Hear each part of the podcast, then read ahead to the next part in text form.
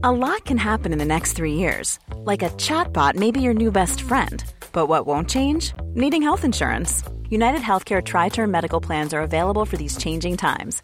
Underwritten by Golden Rule Insurance Company, they offer budget friendly, flexible coverage for people who are in between jobs or missed open enrollment. The plans last nearly three years in some states, with access to a nationwide network of doctors and hospitals. So, for whatever tomorrow brings, United Healthcare Tri Term Medical Plans may be for you. Learn more at uh1.com. Since 2013, Bombas has donated over 100 million socks, underwear, and t shirts to those facing homelessness. If we counted those on air, this ad would last over 1,157 days. But if we counted the time it takes to make a donation possible, it would take just a few clicks. Because every time you make a purchase, Bombas donates an item to someone who needs it. Go to bombas.com slash ACAST and use code ACAST for 20% off your first purchase. That's bombas.com slash ACAST, code ACAST. There's never been a faster or easier way to start your weight loss journey than with PlushCare. PlushCare accepts most insurance plans and gives you online access to board-certified physicians who can prescribe FDA-approved weight loss medications like Wigovi and Zepbound for those who qualify. Take charge of your health and speak with a board-certified physician about a weight loss plan that's right for you. Get started today at plushcare.com slash weight loss. That's plushcare.com slash weight loss. plushcare.com slash weight loss.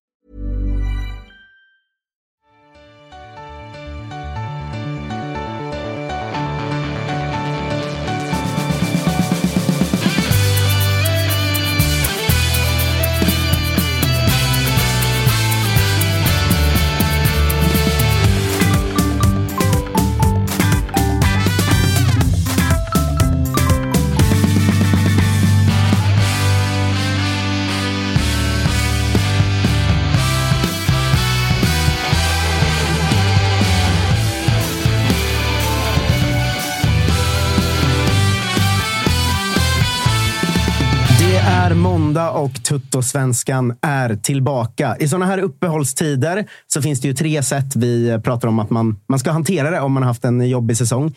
Eh, ett är att åka på semester. Eh, ett annat är att liksom skjuta ut sig totalt, eh, alltså ta en rejäl fylla. Och ett tredje är att bita ihop och jobba hårdare.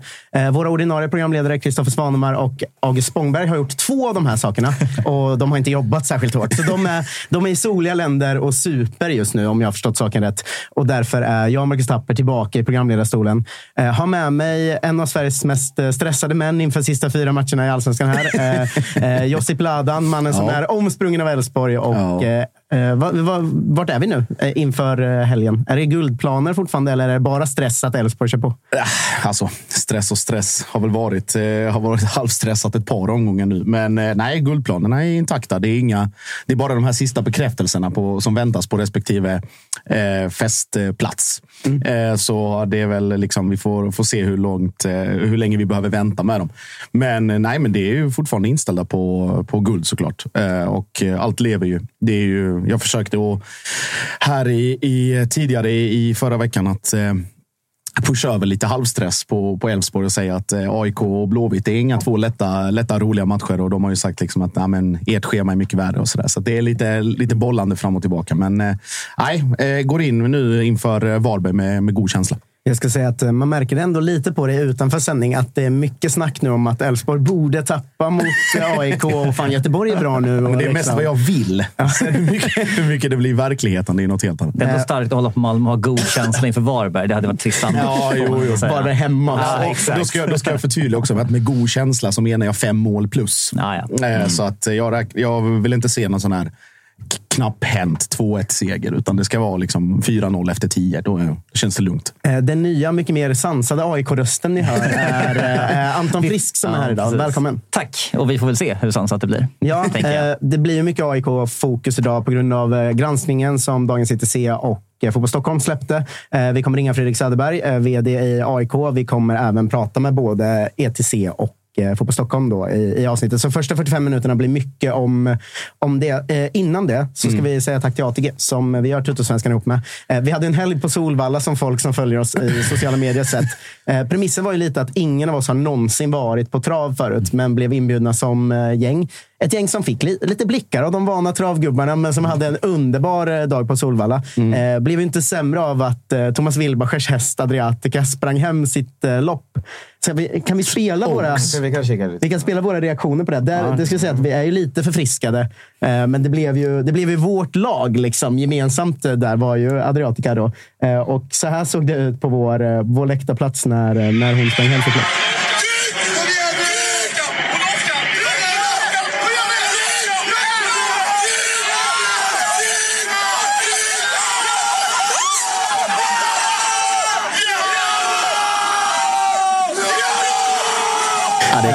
Är, det är klart det är scener. Eh, Jag, den, som inte, eller den som inte såg så bra, det är alltså jag som står och skriker tryck sex gånger på typ 15 sekunder.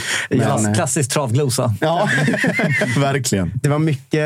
Att, jag tror inte vi var vanliga travsupportrar. Det var mycket ramsor och luftrunkar och sådär. Eh, Men stort tack till ATG för att ni sponsrar Tuttosvenskan. Ska ni spela på Allsvenskan till exempel då, eller trav så gör man ju det på, på ATG. Eh, Man måste vara över 18 för att spela och eh, har man problem går man till stödlinjen.se istället. Eh, Om fem minuter ska vi ringa Fredrik. då. Eh, Men jag tycker vi ändå kan börja med AIK-supporterperspektivet på det. Eh, Hur har den här granskningen eh, landat hos dig och eh, hur väntat slash oväntat var det och eh, hur känns det nu?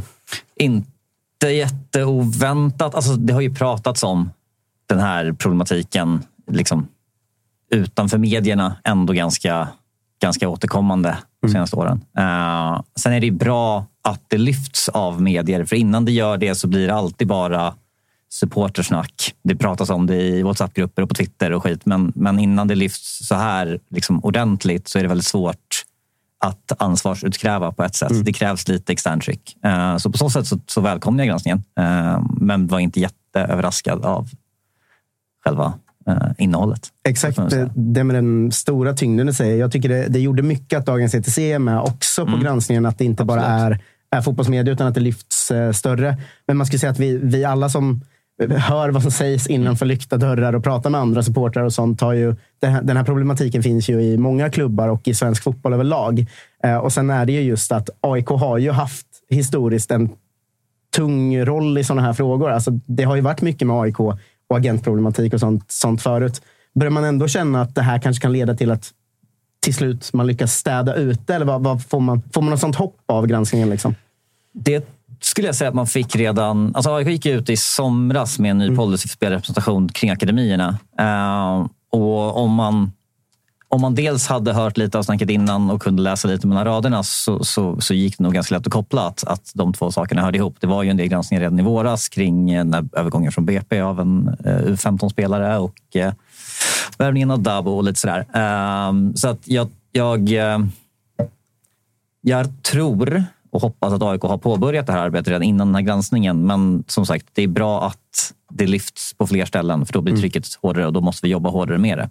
Um, så jag tycker bara att det är liksom positivt att sånt här dras upp. Um, vi måste kunna göra, även om det är en problematik som är större än AIK så behöver ju AIK mot sina medlemmar kunna visa att de tar frågan på allvar. Um, Det är bättre att vi gör mer än vad vi behöver än att vi gör för lite. Så. Jag tänker att det är ett bra sätt att bolla över frågan till dig också. Därför att, eh, nu ska jag för eh, kanske andra gången i mitt liv vara lite AIK-snäll här. Då. Eh, men finns det inte en problematik med att det blir så himla mycket att andra supportrar säger ja, kolla hur det är i AIK? Så där. För vi alla vet att de här problemen finns ju i svensk, svensk fotboll överlag. Och det, jag tycker att det man har sett på sociala medier och sånt från supportrar att det är ganska många supportrar till andra lag som kör liksom, ja, smutsiga AIK-vinkeln. Liksom. Och den tycker jag den är lite felriktad här, för att det här problemet är större än AIK. Eller vad säger du? Absolut. Eh, och det här är väl ju liksom som, som du är inne på, Tapper, att det här är ju ett övergripande problem för idrotten i sig. Och eh, liksom alla, eh, det är en typ av diskussion som har varit kring just underåriga spelare och liksom representation där. Och när, får man, eh, när får man skriva, när får man inte skriva? Svensk regelverk är tydligt, men samtidigt har då agentmarknaden eller de reglerna varit traditionellt sett väldigt oreglerade. Eh, nu kommer ju det här, eller de här Uefa Fifa-kraven med de här licenserna som har kommit. Och det vad var det, 75-80 procent av de som tog eh, eller gjorde provet i den senaste rundan failade. Eh, och samtidigt, inte bara det, utan att även reglerna har blivit, liksom, eller de här, eh, det heter då FFAR och eh, någonting annat som jag inte har namnet på nu. Men att de här reglerna liksom så här, de är till och med otydliga för respektive förbund i, i utlandet. Jag vet att Tyskland till exempel har ju satt, eh, satt liksom att deras gamla regelverk gäller fram till att det är exakt utrett vad som ska gälla med det här. Samma har gjorts i England. Eh, och där man, går, där man liksom har kvar det gamla regelverket. Sverige är väl någonstans mitt emellan lite grann. Att det finns både licensierade och olicensierade agenter. Och då att det blir en, alltså vi är så pass liten ankdamm också. Så att det finns, om, vi, om man vill använda begreppet kreativa lösningar, till exempel att du har en agentur där ingen utåt sett har licens, men så anställer du någon som har det. Då har du ju följt regelverket egentligen. Men vad som händer bakom kulisserna och det där, det är ju, det är ju liksom i många, många fall något helt annat. Så det, det, är ju liksom, om man ska lyfta perspektivet bort från just AIK eller eh, då de här som, som pekas ut i den här granskningen, är ju då att jag tror vi kommer få se liknande saker, men kanske i annan omfattning. AIK har ju varit på något sätt den, den ty, det tydligaste exemplet på när, eh, när det här går liksom extremt. Att det blir liksom inte bara regel, alltså vid övergångar till exempel, utan nu, eller de uppgifterna som står i, i den här granskningen, och till exempel att det var ledare involverade eller sådana saker också. Mm. Så det är en annan typ av grej. Sen vet man ju också att vi har ju andra agenter i, den här, i det här landet som har blivit liksom bannade från att komma till arenor eh, och liknande saker för att de också eh, har använt metoder som kanske inte är så himla konventionella i andra sammanhang. Så att det, det, det, belyser, det kommer ju belysa ett större problem och det är ju då också frågan hur man hur man tolkar det från klubbhåll, mm. från agenterna själva, men även från spelarna. Att det blir kanske någon form av jag ska inte säga väckarklocka, men någon form av varningssignal att man just det här som, som det heter utåt, att det ska vara att du ska ha en förmedlare som gör ditt bästa och inte sitt eget. Så vi får se. Eh, ja. Det är snåriga frågor. Nu har vi med oss eh, Fredrik Söderberg, tror jag, allt här, eh, vd AIK. Det stämmer va? Det stämmer. om vi börjar med den, den enkla frågan i sammanhanget. Hur är läget med dig idag? Uh, jo, men det är ändå rätt bra. Det känns, känns som du har eh, bråda mediedagar, men eh, vi, kan, vi kan väl börja. Vi har pratat lite ja. om eh, granskningen här eh, innan dig. Hur, hur, har allt det här landat i, i AIK hos dig? Det har väl landat som som eh, förväntat. Det vill säga, det är självklart att vi välkomnar den här typen av granskningar. Det, jag tror att i grund och botten är bra för oss. Eh, det, eh, det som framkommer här är också sånt som vi dels har till stor del känt till men också tagit actions på som tidigare. Mm. Så det, det, det har gjort är snarare att det gjort att det kommit upp till mer, ännu mer till, till ytan på ett sätt som vi kanske inte har kunnat kommunicera på rätt sätt, vilket jag tror bara är, återigen bara är bra. Eh, det, det föranleder också liksom, till exempel att kunna kommunicera konkreta handlingar och beslut på ett sätt som jag tror att AIK uppskattar också. Så att, eh, nej, det, så har det landat. Även om det har varit bråda mediadagar så tror jag att det eh, kommer någonting väldigt gott av det här sen i slutändan. Ja, vi var lite inne på det innan också. Att så här, det här känns som det skulle kunna vara en punkt där man ännu mer lyckas bryta med, med den här grejen. Men jag, jag tänker vi kan börja där du pratar med reaktioner runt och så. Hur, hur har eh, reaktionerna från AIK-supportrar varit eh, ja, gentemot dig till exempel som vd? Då? Eh, det jag har snappat upp så... Jag, jag tror inte att det handlar om en personfråga men att AIK har agerat bra. Det är väl det jag har snappat upp. Jag har liksom inte sett några direkta negativa reaktioner på den kommunikation vi har gjort Eh, eller de beslut vi har, vi har tagit på något sätt. Eh, det är väl i sådana fall att man har sett reaktioner på eh, okay, var, varför, man, varför nu? Vad har man inte gjort tidigare? Så den typen av reaktioner eh, noterat. Men annars så är det positivt. Eh, rent konkret har, har vi eh, fått höra att AIK kommer sluta göra affärer med de här eh, involverade personerna. Då. Hur kommer det annars ta sig uttryck på konkreta sätt för att slippa hamna i en sån här situation igen? Det är tre olika delar. Alltså, för, att hamna i en sån situation igen ska man säga att det här, det, jag tror inte att det slutar här. Det här, är, eh, det här specifikt är ett AIK-problem. Det måste vi vara tydliga med att säga. Att hela den här hanteringen, eh, relationen till den här agenturen, det är ett AIK-problem. Det behöver vi brösta. Men eh, i ett större perspektiv så är det naturligtvis ett, ett, ett, ett fotbollsproblem. AIK och ingen annan klubb kommer ju vara fredade för det framöver heller. Så det gäller att vi är på tårna Eh, hela tiden inte bara liksom luta oss tillbaka och tro att, det här är, eh, eh, att den här typen av situationer inte kommer kunna hända igen. Bara för det. Men det som, kommer, det som kommer hända, jag, jag skulle säga att det är tre olika delar i det här. Dels naturligtvis ett rätt besvärande varumärkesproblem för AIK att vi förknippas med den här typen av Eh, av rubriker och kontexter. Det, det, det är aldrig bra och det behöver vi eh, bemöta och visa att vi tar, eh, vi tar på allvar. Vi har liksom alla, eh, både från ett medlemsperspektiv, ett sponsorperspektiv och massa olika perspektiv. Så. Eh, sen är det ett affärs... Eh, eh, vad ska man säga, ett affärsetiskt eh, Eh, perspektiv på det. Eh, där känner jag mig rätt trygg. Vi har ju fattat eh, konkreta beslut. Vi har affärs, jag är trygga i de affärsrelaterade policies vi har etc. Så att det, det, där känner jag att vi har upprättat väldigt bra processer för att kunna motverka att den här den typen av problem kommer att sätta igen. Och det handlar ju till exempel om, om, om som jag vet har varit uppe i, som, som frågeställning, vad händer om den här agenturen anlitar en annan agentur för att kunna, för att kunna driva deras ärenden? Och sånt, där. sånt kommer vi naturligtvis ha policies och handlingsplaner för, för att undvika ska hända. Det känner jag mig trygg i. Den stora frågan tycker jag är snarare arbetsmiljörelaterat. Eh, vi har, eh, vi har redan tidigare i somras flaggat för att vi har en eh, arbetssituation på, inom akademi och ungdomsfotbollen som, eh, Eh, som, som är rätt, eh, ja, från tid till annan lite ansatt.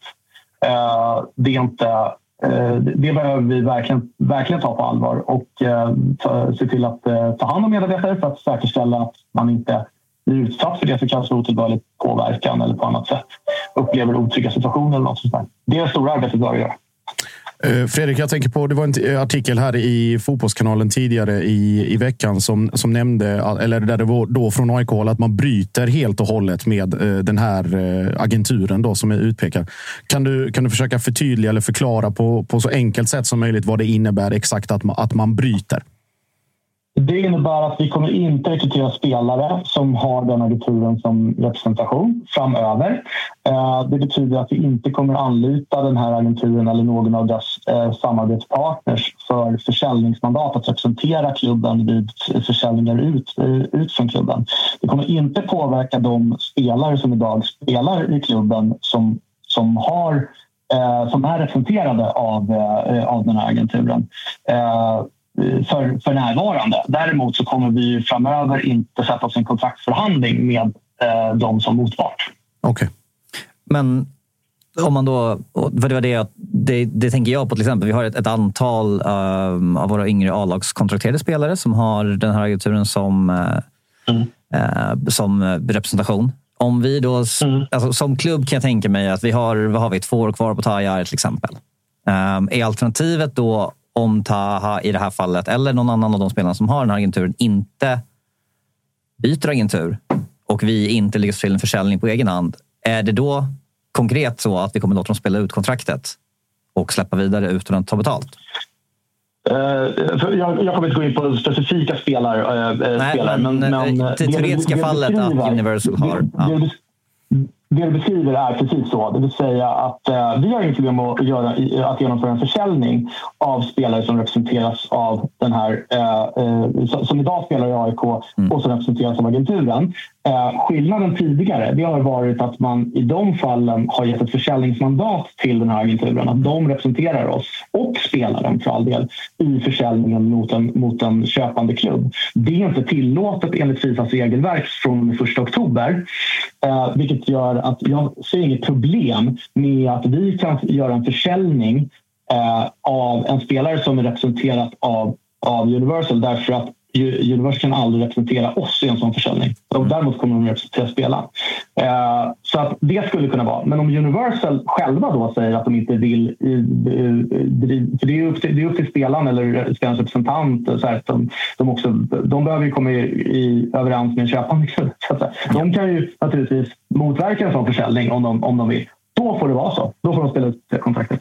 Mm. Jag tänker om man backar eh, ännu några åldrar ner, alltså ungdomsspelare som ja, men, antingen har eller ska skaffa agent. Hur, hur eh, ser dialogen ut med dem för, från ert håll nu i framtiden? Tror du att Kommer man pusha på hårt att de inte ska välja den här agenturen? Eller, eller hur ska ni jobba med säg en 16-åring liksom sådär, som, som inte riktigt är akt, aktuell för allsvenskan än, men som ändå är en framtidsspelare? Liksom? Mm. En 16-åring, har, en 16-åring som ska in i vår akademi har förmodligen redan en representant mm. och då blir det rätt lätt. Har de den representanten så är de inte aktuella för AIK. Mm. Men däremot så när, när spelarna kommer till oss, när, pratar vi, liksom, vi, vi, tar in spelare i vår akademi från 13 års ålder. Uh, då får du inte ha en representant men det är viktigt att Eh, det är viktigt att spelarna och spelarnas föräldrar känner till när det sen väl är dags att, att välja representant för dem vad, eh, Eh, vad det finns att, att välja mellan så att säga. Och vi vet ju att många av de här agenturerna jobbar med att vara rådgivare till familjen på ett väldigt tidigt stadium för att skapa sig en bra lojalitet. Här tycker jag att AIK har kunnat, hade kunnat jobba mycket hårdare med den frågan.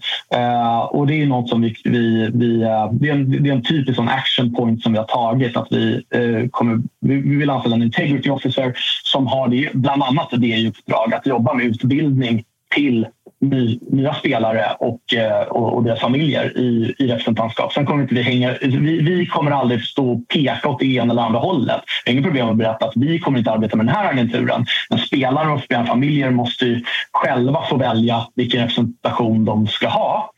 Eh, och där det är väldigt, då, då, är det viktigt att de ska känna att de har en tillräckligt liksom, bra kunskap kring vilka olika typer av representantskap som, som kan finnas. För det finns väldigt bra förmedlare och agenter, eh, men det finns också en del, hel del oseriösa. Eh, Fredrik, du, du nämnde det själv. Du går in lite på det där att just att AIK kommer inte liksom aktivt, eh, aktivt pusha för att välja bort en agentur. Men blir, om man vänder på liksom från, om vi säger från agenternas eller rådgivarnas i, i ett allmänt perspektiv, från deras håll. Blir det liksom så här att även om den här specifika agenturen pekas ut i de här granskningarna eller som, som AIK kommunicerar att vi kommer inte jobba med den agenturen framöver.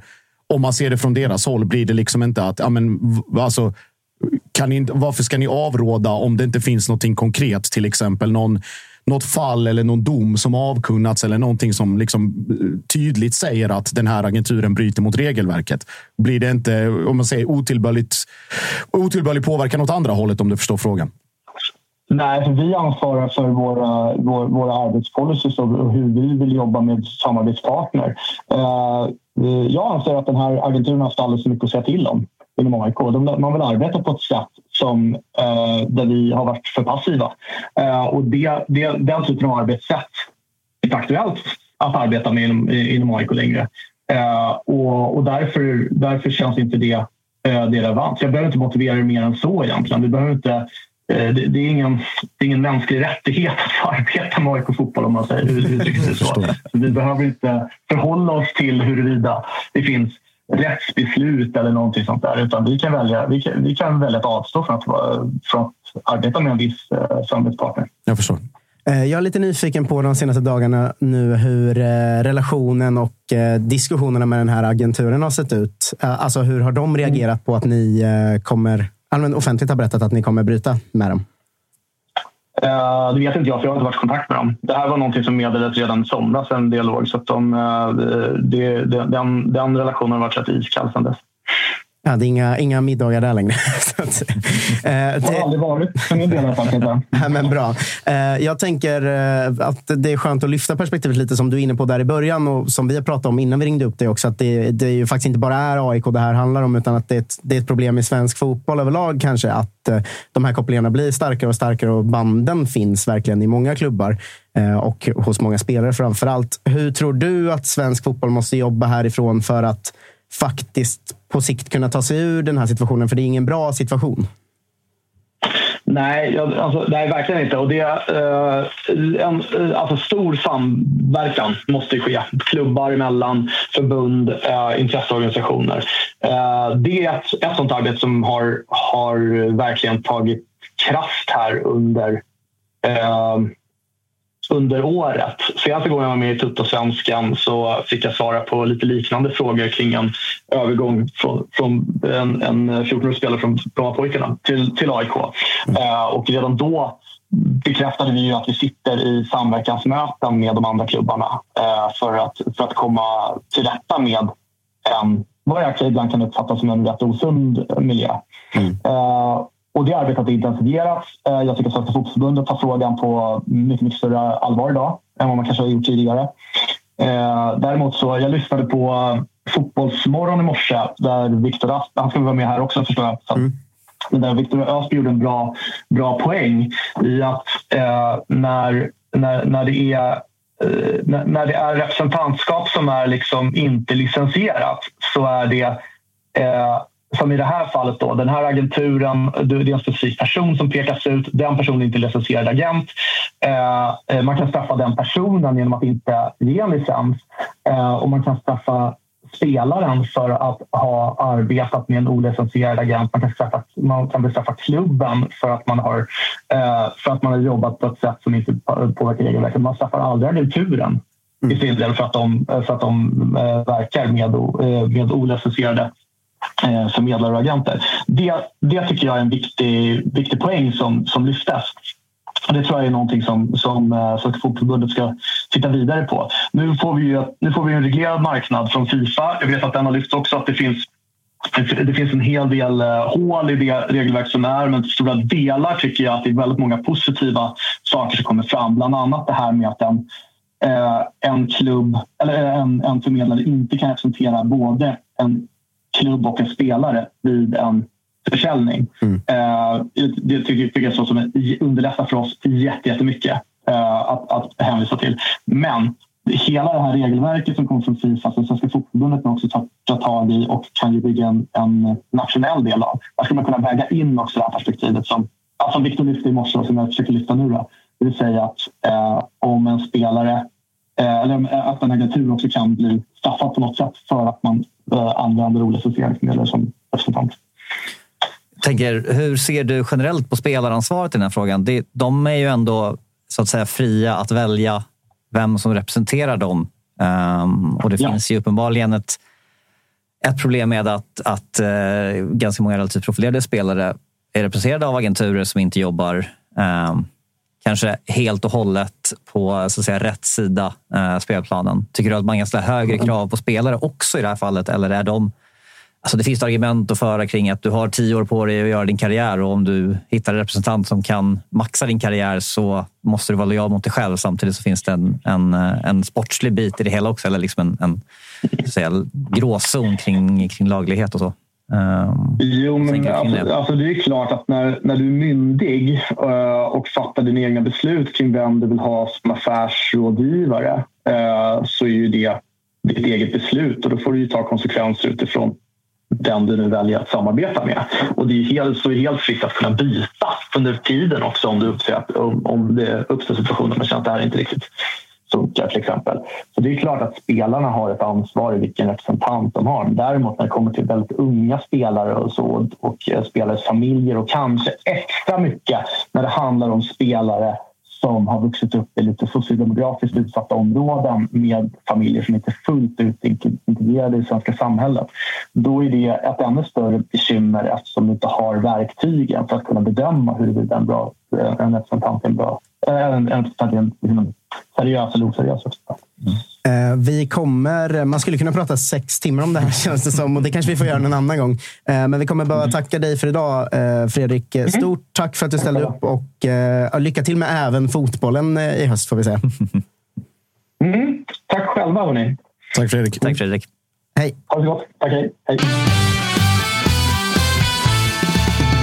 Vi ska ringa upp till eh, journalisterna som gjorde det här grävet om eh, några minuter. Sådär. Jag tänker först att man vill fråga, hur, ty hur tycker du att eh, Söderberg sköter det? Han är ju ofta väldigt hyllad för sitt sätt att hantera de här typerna av frågor, både från aik och oss andra. Va, va, hur tycker du han svarar? Som vanligt så är han ju, han är skicklig på det här. Det är han ju verkligen. Han är bra på att svara tydligt utan att... Och det, det jag tycker han har gjort bra hela vägen här egentligen, alla de intervjuer som varit runt det här, är att han har pratat mer om vad AIK som klubb och som arbetsgivare kan göra. Varit väldigt bra på att skydda medarbetare. Även, de som, även om det har funnits ett så här, lilla drev i sociala medier kring så, ah, vilka är det det handlar om, de här liksom, anonymiserade leden och så. Fredrik är väldigt bra på att som chef ta arbetsgivaransvaret. Vi mm. behöver ha bättre policies, vi behöver bättre riktlinjer, vi behöver bättre processer internt. Och det är det vi kan göra och det är det vi kan jobba med. Och där tycker jag han är bra. Mm. Um, så att jag, jag fortsatt förtroende för Fredrik som, som vd. Och jag, som sagt, man började ett sånt här arbete i somras. Ehm, jag tycker kanske man borde haft en integrity officer på plats nu om man nu påbörjade det i somras. Men det, sånt kan ju ta tid.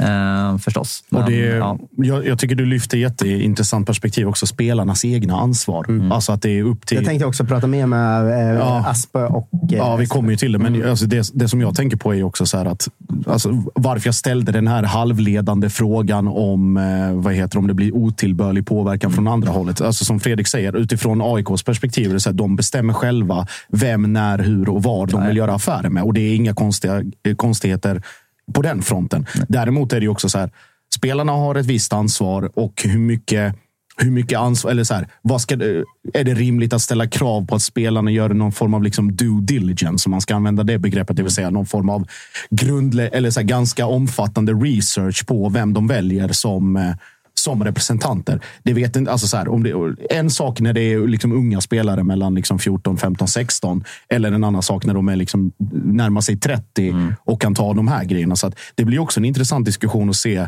eller om man kan få spelare att prata om det framöver. Alltså hur de resonerar när de väljer väljer sina rådgivare. Alltså, sen blir det ju såklart i nio fall av tio de här svaren liksom sarg ut att ja, men jag tänker på min egen karriär och som du är inne på, liksom maximera sin, sin karriär och sin potential och prestation på det sättet. Men just att det här regelverket kommer med att det finns begränsningar på vem man kan representera, hur mycket man kan plocka ut i arvode, ersättning eller vad man nu vill kalla det. Och då att Kanske att det blir en förändring även bland agenturerna. Att de inte bara fokuserar på att ha fyra jättebra spelare som de ska maxa liksom potential ut. Utan att det här blir någon form av liksom att du har ett stall på kanske 15-20 för att liksom enligt principen många bäckar små. Och så hamnar lite där, lite där, lite där och så sprider man ut det så.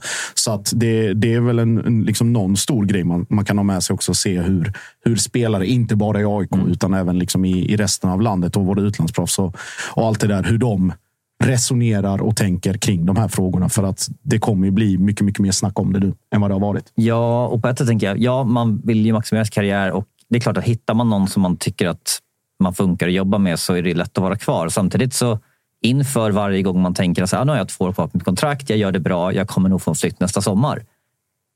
Alltså, är man lite smart då som spelare, då, då, då börjar man ju ställa dem mot varandra. Alltså, alla, vill, alla agenter vill ju ha, alltså, är du 22 och lite het, det kommer vara huggsex om dig. Du kommer, du kommer kunna få bättre erbjudanden hos någon agentfirma. Du gör ju samma sak när du jag vet inte, ska ta ett lån på din lägenhet. Du ringer alla banker.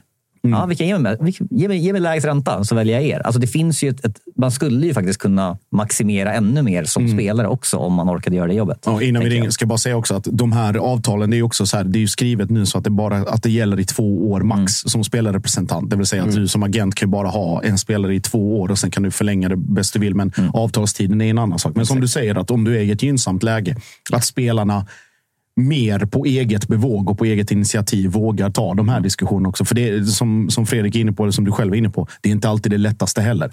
Om du har byggt upp liksom någon form av relation eller hur det är. Och det man vet om agentbranschen och hur den fungerar är också att det, det är alla är ens bästa kompis så länge det går bra. Och sen är man en skada bort från att bli bortglömd. Ja, exakt. Och då kanske man värderar att, att jobba med någon som du har jobbat med i tio år för du vet att den kommer vara lojal även efter. Exakt. Eh, nu, eh, vi kommer fortsätta prata mer. Vi kommer också för de som är så här, ska ni inte snacka kula? Eh, det kommer vi också göra i slutet av det här avsnittet. Eh, men nu ska vi ringa upp Viktor Asp och Egil Söderin från eh, Fotboll Stockholm och eh, Dagens ETC. Eh, också för dem lite mer grundligt gå igenom vad den här eh, granskningen har men gått ut på, hur den varit att göra och hur efterföljderna har varit, eh, tänker jag. Precis. Är snåriga frågor det här, det får man Mycket, säga. Det är mycket. Verkligen tio timmars special man borde gjort om det.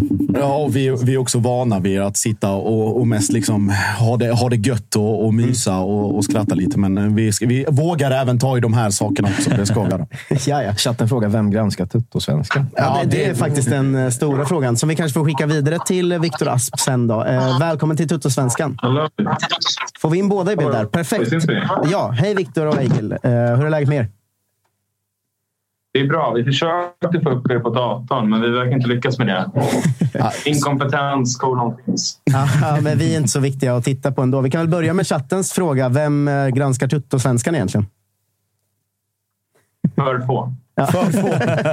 Helt enig på den fronten. Eh, exakt. Men ska vi ta det lite mer eh, grundligt? För nu har vi pratat om den här granskningen lite så som att alla känner till varenda eh, steg i den och vi har pratat med Fredrik Söderberg från AIK också. Men vill ni dra liksom eh, snabbversionen av er text och hur, arbetet har gått till från ert håll? Du kan börja berätta. Ja, men I första publiceringen så kunde vi visa att den här agenten då tagit emot pengar från kriminella nätverket Jobe-nätverket. Eh, pengar som kommer från utpressning. Han har fått in pengar på sitt konto. Sen har han köpt eh, Rolex-klockor och, Mm. och annat. Och polisen misstänker att eh, en del av de här klockorna används för att rekrytera unga spelare. Så det är liksom en direkt ekonomiska kopplingar till de här nätverken. Eh, och eh, vad ska vi säga mer? Det finns ju koppling till Ali Khan-nätverket också genom att eh, man ser där då fastnat på bild med en person från Ali Khan-klanen då som också är ett, det är kriminellt nätverk som framförallt är verksamt i Göteborg. Eh, Som också är involverad i Ja, en exakt. viss agentverksamhet. Men, Ja. men, men jag menar, det, som, det som tidigare kanske har funnits kring honom har varit lite löst. Här är vi svart på vitt att han har ekonomiska, liksom, det, är- det, är ekonomiska intressen som sammanflätas med de här tungt kriminella personerna i de här nätverken. Så det, det är lätt. Och sen del två var ju mer fokus på hur den här agenturen har infiltrerat AIK. Och det kan du berätta mer om, Viktor. Mm. Det bygger på eh, många samtal med olika källor och uppgiftsämnen vi har haft under lång tid. Eh, och den bilden som tecknas för oss är att det finns något av en parallell struktur inne i AIK.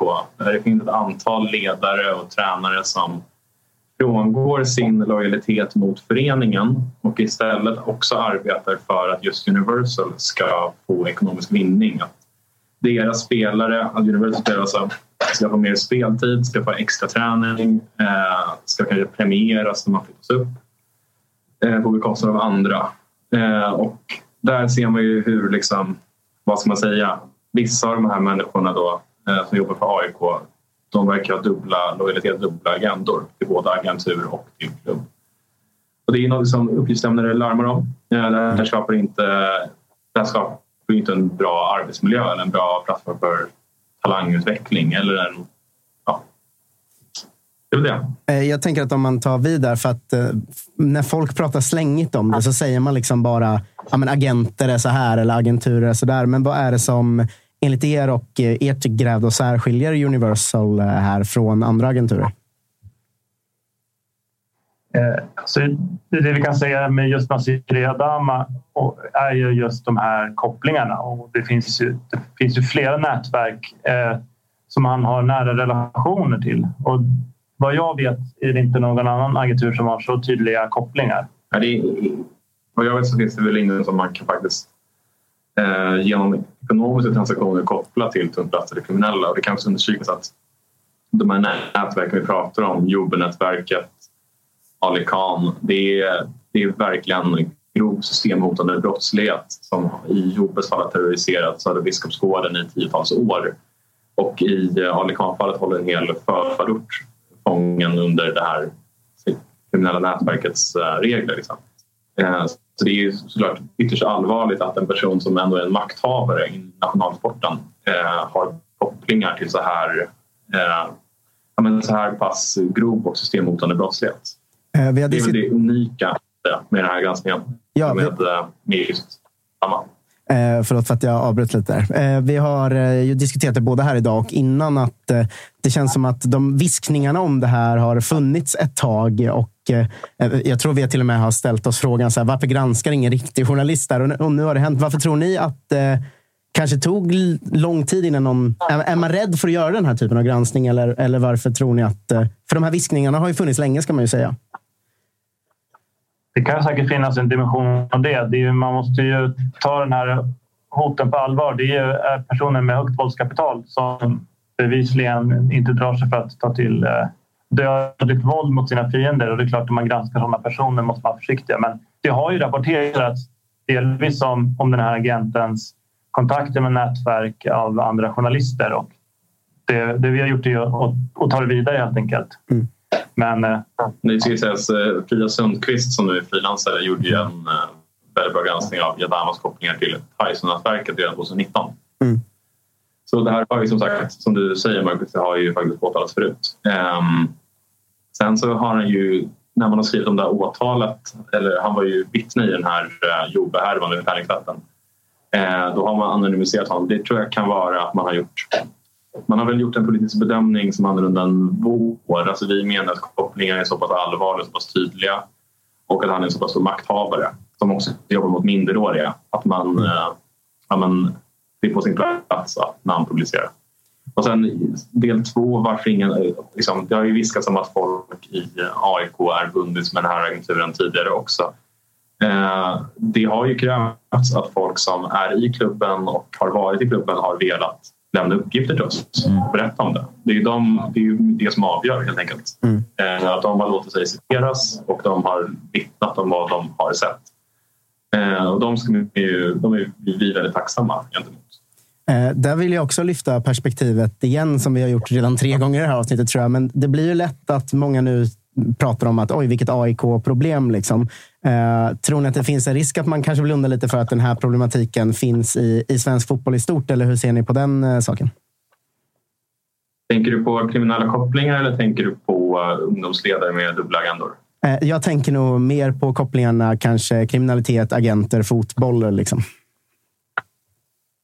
Ja, men det, eh, den frågan är nog högst relevant ställa sig också i andra sammanhang än AIK. Så mm. är det. Eh, jag vill också ta fast lite där på där vi började förra frågan med hur reaktionerna varit på grävet för er. Eh, har det varit liksom locket på från det hållet eller har ni känt att ni har någon slags hotbild på er för att ni skriver om det här? Eller hur, hur har det landat hos er? Alltså, vi har inte upplevt några hot. Eh, vi har inte heller fått några svar från den utpekade agenten eller någon i hans sfär. Så att säga. Vi har sökt även personer kopplade till de här nätverken. Men vi har, där har det varit väldigt tyst. Men inga hot än så länge. Skönt att höra. Nej. Och eh. ingenting från Universal heller. Alltså själva agenturen då, eh, i det här fallet. Nej, de har inte hört av sig eller velat kommentera det här. Eh, hur stort ansvar tycker ni att eh, spelare har i det här? Det pratade vi med Fredrik Söderberg om, men spelare väljer ju faktiskt sina egna agenter. Och, eh, ja, men hur ser ni på, på spelarnas ansvar om man blickar ett steg ner då, istället för att blicka ett steg upp från klubben? Jag kan börja bara. Så här, jag är inte helt inne i den här fotbollsvärlden så mycket, men jag menar, det är ganska mycket begärt att kräva av en, en tonåring att eh, liksom ifrågasätta sin sin agentur eller ha kunskap om den här agenturen om sånt som knappt har publicerats. De, de här unga spelarna de vill ju spela fotboll och sen är det en person som, som lockar med, med pengar och, och stora löften.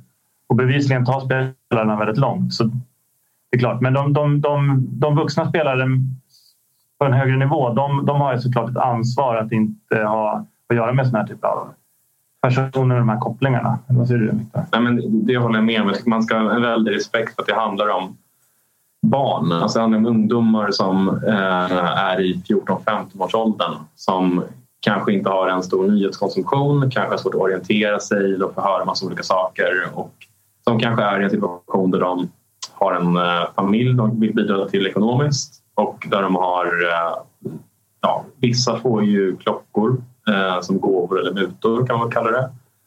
Eh, och det är nog svårt för dem att då direkt säga nej, jag vill inte jobba med dig för jag har hört det här och den här. Och det ska man ju också ta med sig att det här är ju människor som eh, har ett våldskapital. Alltså, mm. Eller täta band till människor med våldskapital i alla fall. Eh, Viktor och Egil, jag tänker på vad, vad, tror ni att det här kan ge för, för ringar på vattnet? Eller har ni fått liksom flera? An, eh, har det hunnit komma in tips eller andra typer av liksom, hur ska jag säga, guidelines som kan leda er vidare? Inte bara med den här agenturen eller med, den här, med AIK, utan vidare ut i, i Sverige eller till, kanske till och med utomlands? Det har ju kommit in lite tips. Um, vi, uh man vill ju alltid ha mer helt enkelt. Det kan aldrig bli för mycket tips. Eh, så man får jättegärna höra av sig och leda oss på rätt spår om man har info. Um, och sen, jag vill ju också slå ett slag lite för vi har ju uppmärksammat kopplingen mellan kriminalitet och uh, fotboll förut på sajten. Uh, skrivit om uh, Nordic United i Södertälje som har koppling till Södertälje-nätverket. Vi har skrivit om kriminella som låg bakom en uh, uppmärksammad division 7-match exempelvis. Eh, så det är en fråga som verkligen angår oss och som vi lägger ner resurser och tid på. Eh, och man får jättegärna komma med tips om man har eh, info. Och den av er som, som känner sig liksom tryggast i den formuleringen kan ju också upplysa våra både lyssnare och tittare om hur Alltså de här, till exempel när man jobbar med källor eller när man jobbar med liksom förstahandsinformation på det här sättet. Hur fungerar den bedömningen? Vad bedömer man är? Alltså när går gränsen för vad man tycker är trovärdigt eller inte? När känner man sig trygg med uppgifterna och så där? Så att, så att folk förstår också så att man inte bara liksom sitter och lägger sina egna pussel. Ja, du kan.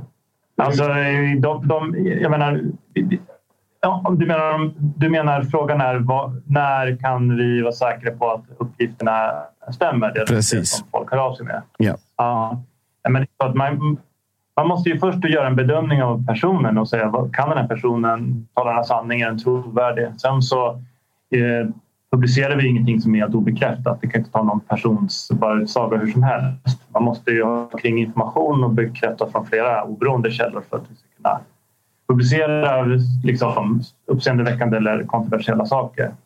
Så det, nej, men det är också en, det är någonting som man måste göra en bedömning vid, vid varje kontakt och vid källan och, och sådär. Mm. Nej, bara det var mer liksom i förtydligande syfte så att folk förstår hur, hur Ja, man precis. arbetar. Ja, men så är det. Jag menar, det, jag menar, det, det, det, här gräv- grävet som Viktor jobbat med långt innan jag kom in i bilden. Det är ju många månaders arbete med, med, mass, med mängd källor. Det, det är ingenting man slänger upp en eftermiddag. Liksom. Så, så det, det, det, är, det är väldigt gedigna uppgifter. Den grunden är väldigt gedigen på vad vi har publicerat. Eh, jag tänker på reaktionerna på det här från AIK-håll. Eh, de har ju då gått ut med att de kommer sluta samarbeta med den här agenturen. Och eh, jag tycker Fredrik Söderberg har ju varit med i många sammanhang och liksom pratat öppet om hur det här har landat hos dem. Hur tycker ni att AIK har hanterat er granskning? Bra tycker jag. Jag tycker att de eh, åtgärder som tas nu är sunda. Alltså att man inte kommer låta den här agenturen företräda AIK eller någon annan agentur heller för den delen eh, i förhandlingar. Det är jättebra. Eh, och att man inte kommer gå in i kontraktsförhandlingar med agenturen. Det tycker jag också är ett sätt att ta ansvar. Ehm, det jag hoppas att man gör vidare är att vi har ju visat på att det finns människor i klubben som också jobbar på Universal. Jag tror att klubben vet ganska bra själv vilka det rör sig om. Mm. Man vill hoppas att det där... Eh, ja, jag, tror att några där... Eh, det pågår väl personalärenden vissa Nu tappar vi kontakten här. man såklart. jobbar. Hörs vi nu då? Ja, nu har vi er. Eh, Vi tappade er lite där. Fortsätt. Ja, men det har ju också Fredrik Söderberg bekräftat att det, på, det är pågående personalärenden just nu i AIK. Ehm, och det är ju det väldigt bra. Sen kan man väl lite, det jag ställer mig lite frågande till är väl att eh, den här utvärderingen som AIK hänvisar till att man gjorde och som eh, ligger till grund enligt Söderberg för de åtgärder som vidtas nu. Den gjordes i Ja, Nu tappar Ja, vi nu dem. tappar vi dem helt. eh, helt. Testar ringa upp. Ja, vi provar. Ja, jag vill höra eh, det sista där. Mm, det, jag kän- med. det kändes väldigt intressant. man, ska, man tappar aldrig en gäst när man snackar skit med typ Sean i eh, Thailand, men alltid när det är något intressant fem på gång. plus, eh, Ja, exakt. Vad tycker du har hanterats? eh, Eller vad var det du ifrågasatte där? Vi tappade det precis när du sa att du skulle ifrågasätta något. Ja, men om det är något man ska ifrågasätta så är det väl att man hänvisar till en utvärdering som gjordes i eh, juli. En utredning snarare. Eh, men efter det så har ju faktiskt Universal varit delaktiga i en AIK transfer visar våra uppgifter. Den av Robin 10 I augusti. i, i augusti. Exakt. Så då kan jag ju, det är väl det man får ställa sig frågan till. Men på det stora hela tycker jag att AIK man tar det ansvar man kan ta och man vidtar åtgärder som kommer vara kännbara för klubben på kort sikt. Eh, och det är det man kan begära. För man ska komma ihåg att på kort sikt så är det ju jobbigt för AIK att gå miste kanske med kontraktförlängning eller en försäljning eller så vidare. Men på lång sikt är det här nödvändiga åtgärder. För AIK som klubb mår inte bra av den relation som har varit till den här agenturen.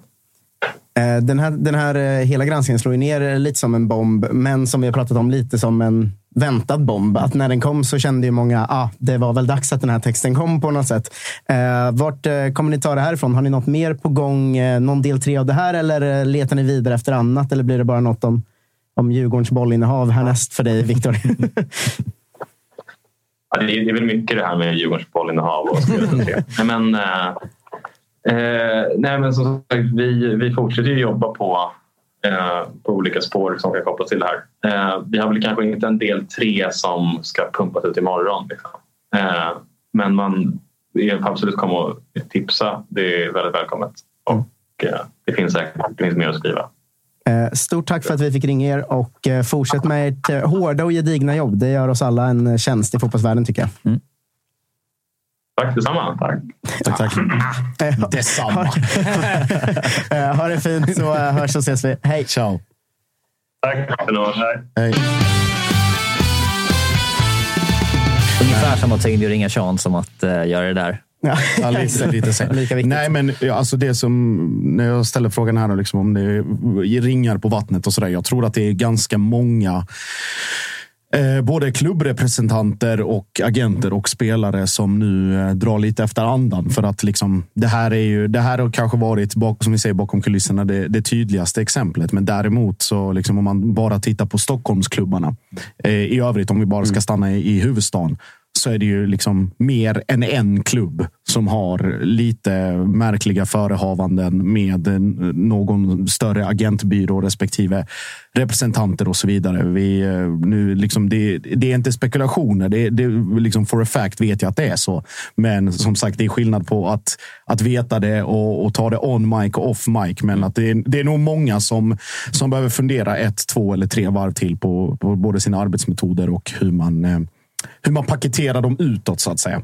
Ja, jag tror, tänker, eh, ja. ja, men jag tror också att det är många journalister som eh, vässar pennan av det här grävet. Att eh, eh, de här texterna, det är bra och fullt, men det finns så himla mycket saker att ta vid. Eh, så, att, så att jag tror absolut det kommer ge sådana ringar på vattnet och eh, är inte förvånad om vi får se liknande typer av gräv från annat håll också eh, närmsta året. Eh, sådär liksom. För att det är en väldigt aktuell fråga i svensk fotboll. Just som, som sagt, vi har varit inne på den sedan vi startade här i princip. Att, eh, Det är en väldigt snårig fråga och väldigt svår att luckra runt i. Sådär. Så att, eh, jag tror absolut det kommer komma, komma mycket effekter av det här över tid. Mm, och det, är inte, det ska man också säga till det jag sa innan. Alltså att den här agenturen som liksom pekas ut i den här granskningen har ju sina metoder. Det finns ju folk som har, eller agenturer som har mycket, mycket, mycket, hur ska jag säga, Eh, eller en annan typ av arbetssätt. Kanske en finare fasad och som hos gemene man landar annorlunda än vad den här agenturen gör.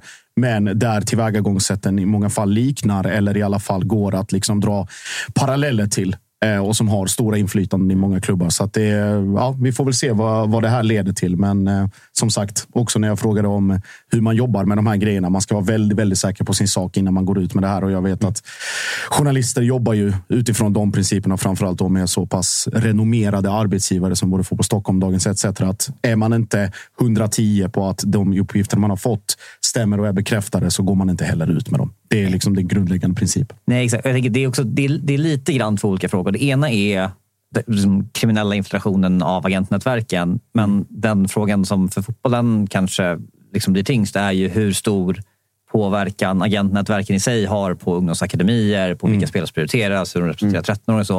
Och där tror jag att det finns väldigt många andra agenturer som också behöver, eh, som skulle kunna granskas. Eh, hur de jobbar mot 13-åringar, 12-åringar som är, som är lovande. Eh, det är ett jätteproblem. Eh, när det blir så.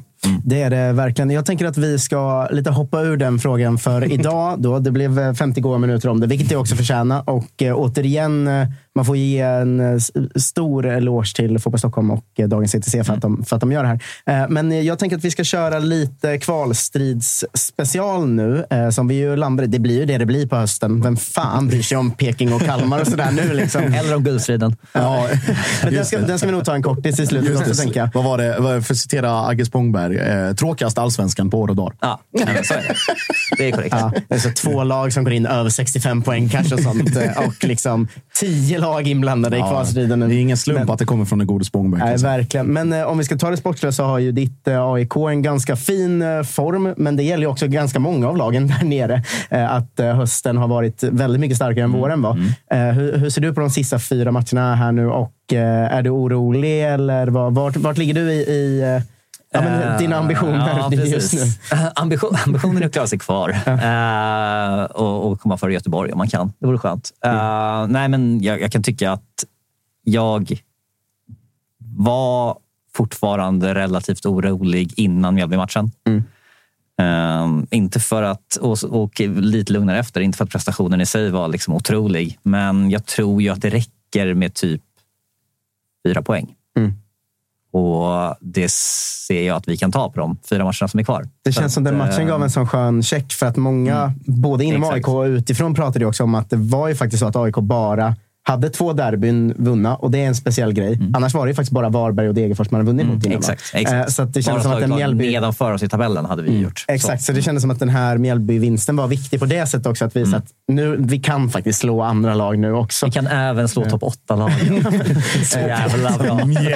Eh, nej, men eh, det, det är ju fyra matcher kvar och det är många lag som möter varandra i botten. Det är också många bottenlag som har lite svåra matcher kvar. Alltså, eh, Varberg behöver vi inte räkna med längre. Men, men eh, Göteborg möter eh, Elfsborg och, och sådär. Ni har väl också Elfsborg, kvar. Ja. Plus Eh, AIK. Alltså Blåvitt AIK. Men Ja, vilka, exakt. vilka lag ser du att, du ska, att ni ska hålla framför er? Och vilka tror du ni kan hålla framför er? Eller bakom, Bakom. såklart. bakom. Uh, Degen BP Halmstad. Mm. Och sen med lite liksom... Sen är det så, den som vinner Göteborg AIK hamnar före den andra i tabellen. Typ. Ja. Ja, nu bryr man sig väl inte om man kommer på plats 11 eller 13. Liksom. Det är kul att hamna före hypade Göteborg. Va? De, var ju, de var ju klara för länge sedan. Det var ju, det skitmysigt. Nej, men så här, vi, inför den här liksom, sista raddan matcher, när vi hade nio matcher kvar, typ, så var det fyra hemmamatcher som var Degen, Mjällby, Halmstad, Värnamo som var de där man var så här, tar vi de 12 poängen, då borde det här lösa sig. Sen gick vi och vann derbyt, vilket innebär att vi ligger, liksom, vi ligger plus gentemot så, matten. Planen. Ja, exakt, gentemot planen. Vilket gör att vi har råd Mm. någonstans. Och, alltså, vi skulle kunna kryssa mot Värnamo, med tanke på att Värnamo är... Mm. Värnamo liksom, slaktar ju hösttabellen, Ja, de ska man slaktar ju- i hösten. Så att ett kryss där är väl starkt kanske. Eh, Nu väntar ju Elfsborg borta. Eh, Får ni gärna vinna. Ja, ja, ja, absolut. Det får gärna göra. Hur går man in i den matchen? För Elfsborg har ju också svajat en del på sistone, ska man säga. Även om de faktiskt har hållit det ganska bra på hemmaplan. Eh, Men eh, hoppas man ens på något där? Eller? Jag räknade bort Häcke borta och Elfsborg borta för, för länge sedan. Som Mm. liksom, det är bara bonusmatcher. Tar vi någon poäng i de matcherna så är det liksom, då firar, kan vi fira det som ett SM-guld. Alltså lite så, för att de är, det är inte de matcherna vi ska vinna. Sen åker vi ner och möter ett Elfsborg som är lite sämre än vad de var i våras. Absolut. Jag tycker att eh, liksom, deras mittbackspar är, är betydligt svagare nu än de var innan Lagerbäck såldes. Och Mm. Det är klart att Pittas kan rinna igenom. Men, men jag menar, Ockels kan rinna igenom tre gånger. Så det, den är, det är verkligen en bonusmatch. Tar vi, tar vi med, får vi med oss någonting därifrån så är jag svinnöjd. Och torskar vi så kommer jag släppa det dagen efter. Det har varit eh, speciellt. Nu får vi ta ett eh, nytt AIK-perspektiv, för man är så trött på de vanliga två. eh, men många här utifrån, eh, som vi, har ju pratat om liksom, Tänk om Saletros inte hade kommit hem i somras. Mm, då åker vi Eh, ut. Ja, men vi- visst, är, visst känner man nästan så att när man tittar på AIK nu. Jag tycker att så här, varenda match man tittar så är det ju ändå så här. Att man, man slås hela tiden av den tanken. Alltså, tänk om han inte var med. liksom. Ja, ja, han är, jag tycker han har varit helt överlägsen sedan han kom. Han är ju uppe på, liksom, han är uppe på, på så hög, jämn nivå i prestationen att han, det är liksom lite som när Seb Larsson kom hem första åren. Att så här, Han är alltid bäst i AIK, vilket gör att han, man typ glömmer hur, hur bra han, man, kan, man ser en match nu och tänker ja, men Pittas gjorde mål eller Modest gjorde mål. Och sen så tänker man ah, då var han bäst på plan. Alltså, egentligen var ju han bäst på plan varje match. Det har han varit sedan han kom hem. Ehm, men att det är så pass, man, man vande sig väldigt snabbt vid att han var så otroligt bra den här vändan. Ehm, Och det- men han är så viktig så att det är. Nej, Och, och, det, och det ska man också ha med sig. Vi pratade med, med Tahayari förra veckan liksom, när han sa att hur det är att spela med en sån liksom, spelare som Anton som dels håller en väldigt hög liksom, lägstanivå men som även är, liksom, är AIK på det sättet att han liksom axlar den rollen och det ansvaret och när han kommer hem. Och, och att det inte blir det här att han blir låst av pressen och förväntningarna. exakt. och att liksom så här, okej, nu ligger vi pyrt till i tabellen. Nu är det jag med mitt spel som ska vända det här. Men han har ju gått in och, och spelat liksom som, att, som att AIK går för guldet. Sett till hur liksom axlarna är avslappnade. och för- bröstet ut, Bröstet ut. Och, hela, och det, det är lite det som, som ni har saknat, kan man ju tycka utifrån. att just att när Lustig försvann och när Seb försvann och, och hela den grejen. Det försvinner ju inte bara ledarskap och, och liksom att man leder på planen eller i omklädningsrummet, utan det är rutinen. Det är de här 600-700 allsvenska matcherna eller vad det är. 400 ute i utlandet, alltså, eller whatever. Men, Det är väldigt sällan en klubb tappar Lustig, Seb, Bahoui och... Ja, alltså, vad Karlsson. Ja, Per Karlsson. eh, Och eh, vad fan, Stefanelli. Ja, som också precis, liksom precis. avgjort många viktiga matcher. och sånt. ja, alltså att tappa Så fem sådana spelare liksom. samtidigt, det händer ju inte. liksom. Nej, och det får ju påverkan. Alltså, så här, bara till, alltså, Malmö med när man tappar liksom Christiansen och vad det betyder och sen försvinner Hugo Larsson. Och det har man ju sett att det har påverkat dem på det sättet. Men ingen, jag, jag tror inte någonstans det har varit så tydligt som i AIK före och efter Saletros. Hur mycket Nej, det har nej, betytt. verkligen. Eh, anledningen att jag tog upp det här och byggde upp ditt humör var ju att få eh, liksom, hugga in kniven efter och säga att det spek- pratas ju mycket om nu, så här, kan vi få behålla Anton? Och liksom, vad, vad, tror du i den eh, frågan? Är han hemma för att stanna och bli en superikon eller är han liksom lite för bra för det, tror du? Han var ju lite för bra för att komma hem också, egentligen. Så att, eh, det är klart att man av liksom, man, man slids ju mellan att hjärtat vill ingenting annat än att Anton ska skriva på ett sexårskontrakt och få binden imorgon. Liksom. Eh, samtidigt som jag, jag också kan förstå att, att han, är, han är så pass bra. och all Det är inte bara det att, så här, att, att eye-testet är att så här, ah, han är bäst på plan. All data. Alltså han skapar flest chanser, han har flest löpminuter, vinner flest dueller, har flest dribblingar. Alltså han är bäst på allt. Och är du så bra i allsvenskan, även fast du är 27, så kommer det komma intresse. Så är det ju. Och han har ju inte gjort, han har inte gjort pengarna. Alltså han har varit i Norge och ett halvår i Frankrike. Det är inte så att han är... Och i och för sig en kort vända i Ryssland, va? som mm. säkert prisade bra. Men eh, det var inte så länge. Så att, eh, det finns ju också, också den aspekten att han har inte varit ute och gjort ja, säkrat framtiden helt och hållet. Så att, eh, jag, det är klart att man är orolig eh, om man skulle tappa honom. Samtidigt har jag större tilltro till, till eh, rekryteringsteamet vi har nu som skulle värva en eventuell ersättare än vad jag hade till de som gjorde det i vintras. Så kan vi säga. Om vi, om vi säger så här, om vi vänder på frågan då med liksom Saletros och allt det där och att hans liksom, data, att han är så överlägsen. Är det inte, blir det inte någon grund till oro för att liksom, var fan ligger grundnivån hos de andra egentligen? Äh, lite, kanske. äh, nej, men någonstans så är det också så att han är, han är ju, absolut, han sticker ut äh, datamässigt, men det gör han på allsvensk nivå. Alltså han, han är uppe och touchar liksom, data med de absolut bästa spelarna i allsvenskan. Um, och alltså, Christiansen stack ut i Malmö, även fast Malmö var, hade en mycket bättre trupp än vad AIK har nu. Rygaard sticker ut i Häcken. Alltså de som är på den nivån, de sticker ut och ska göra det.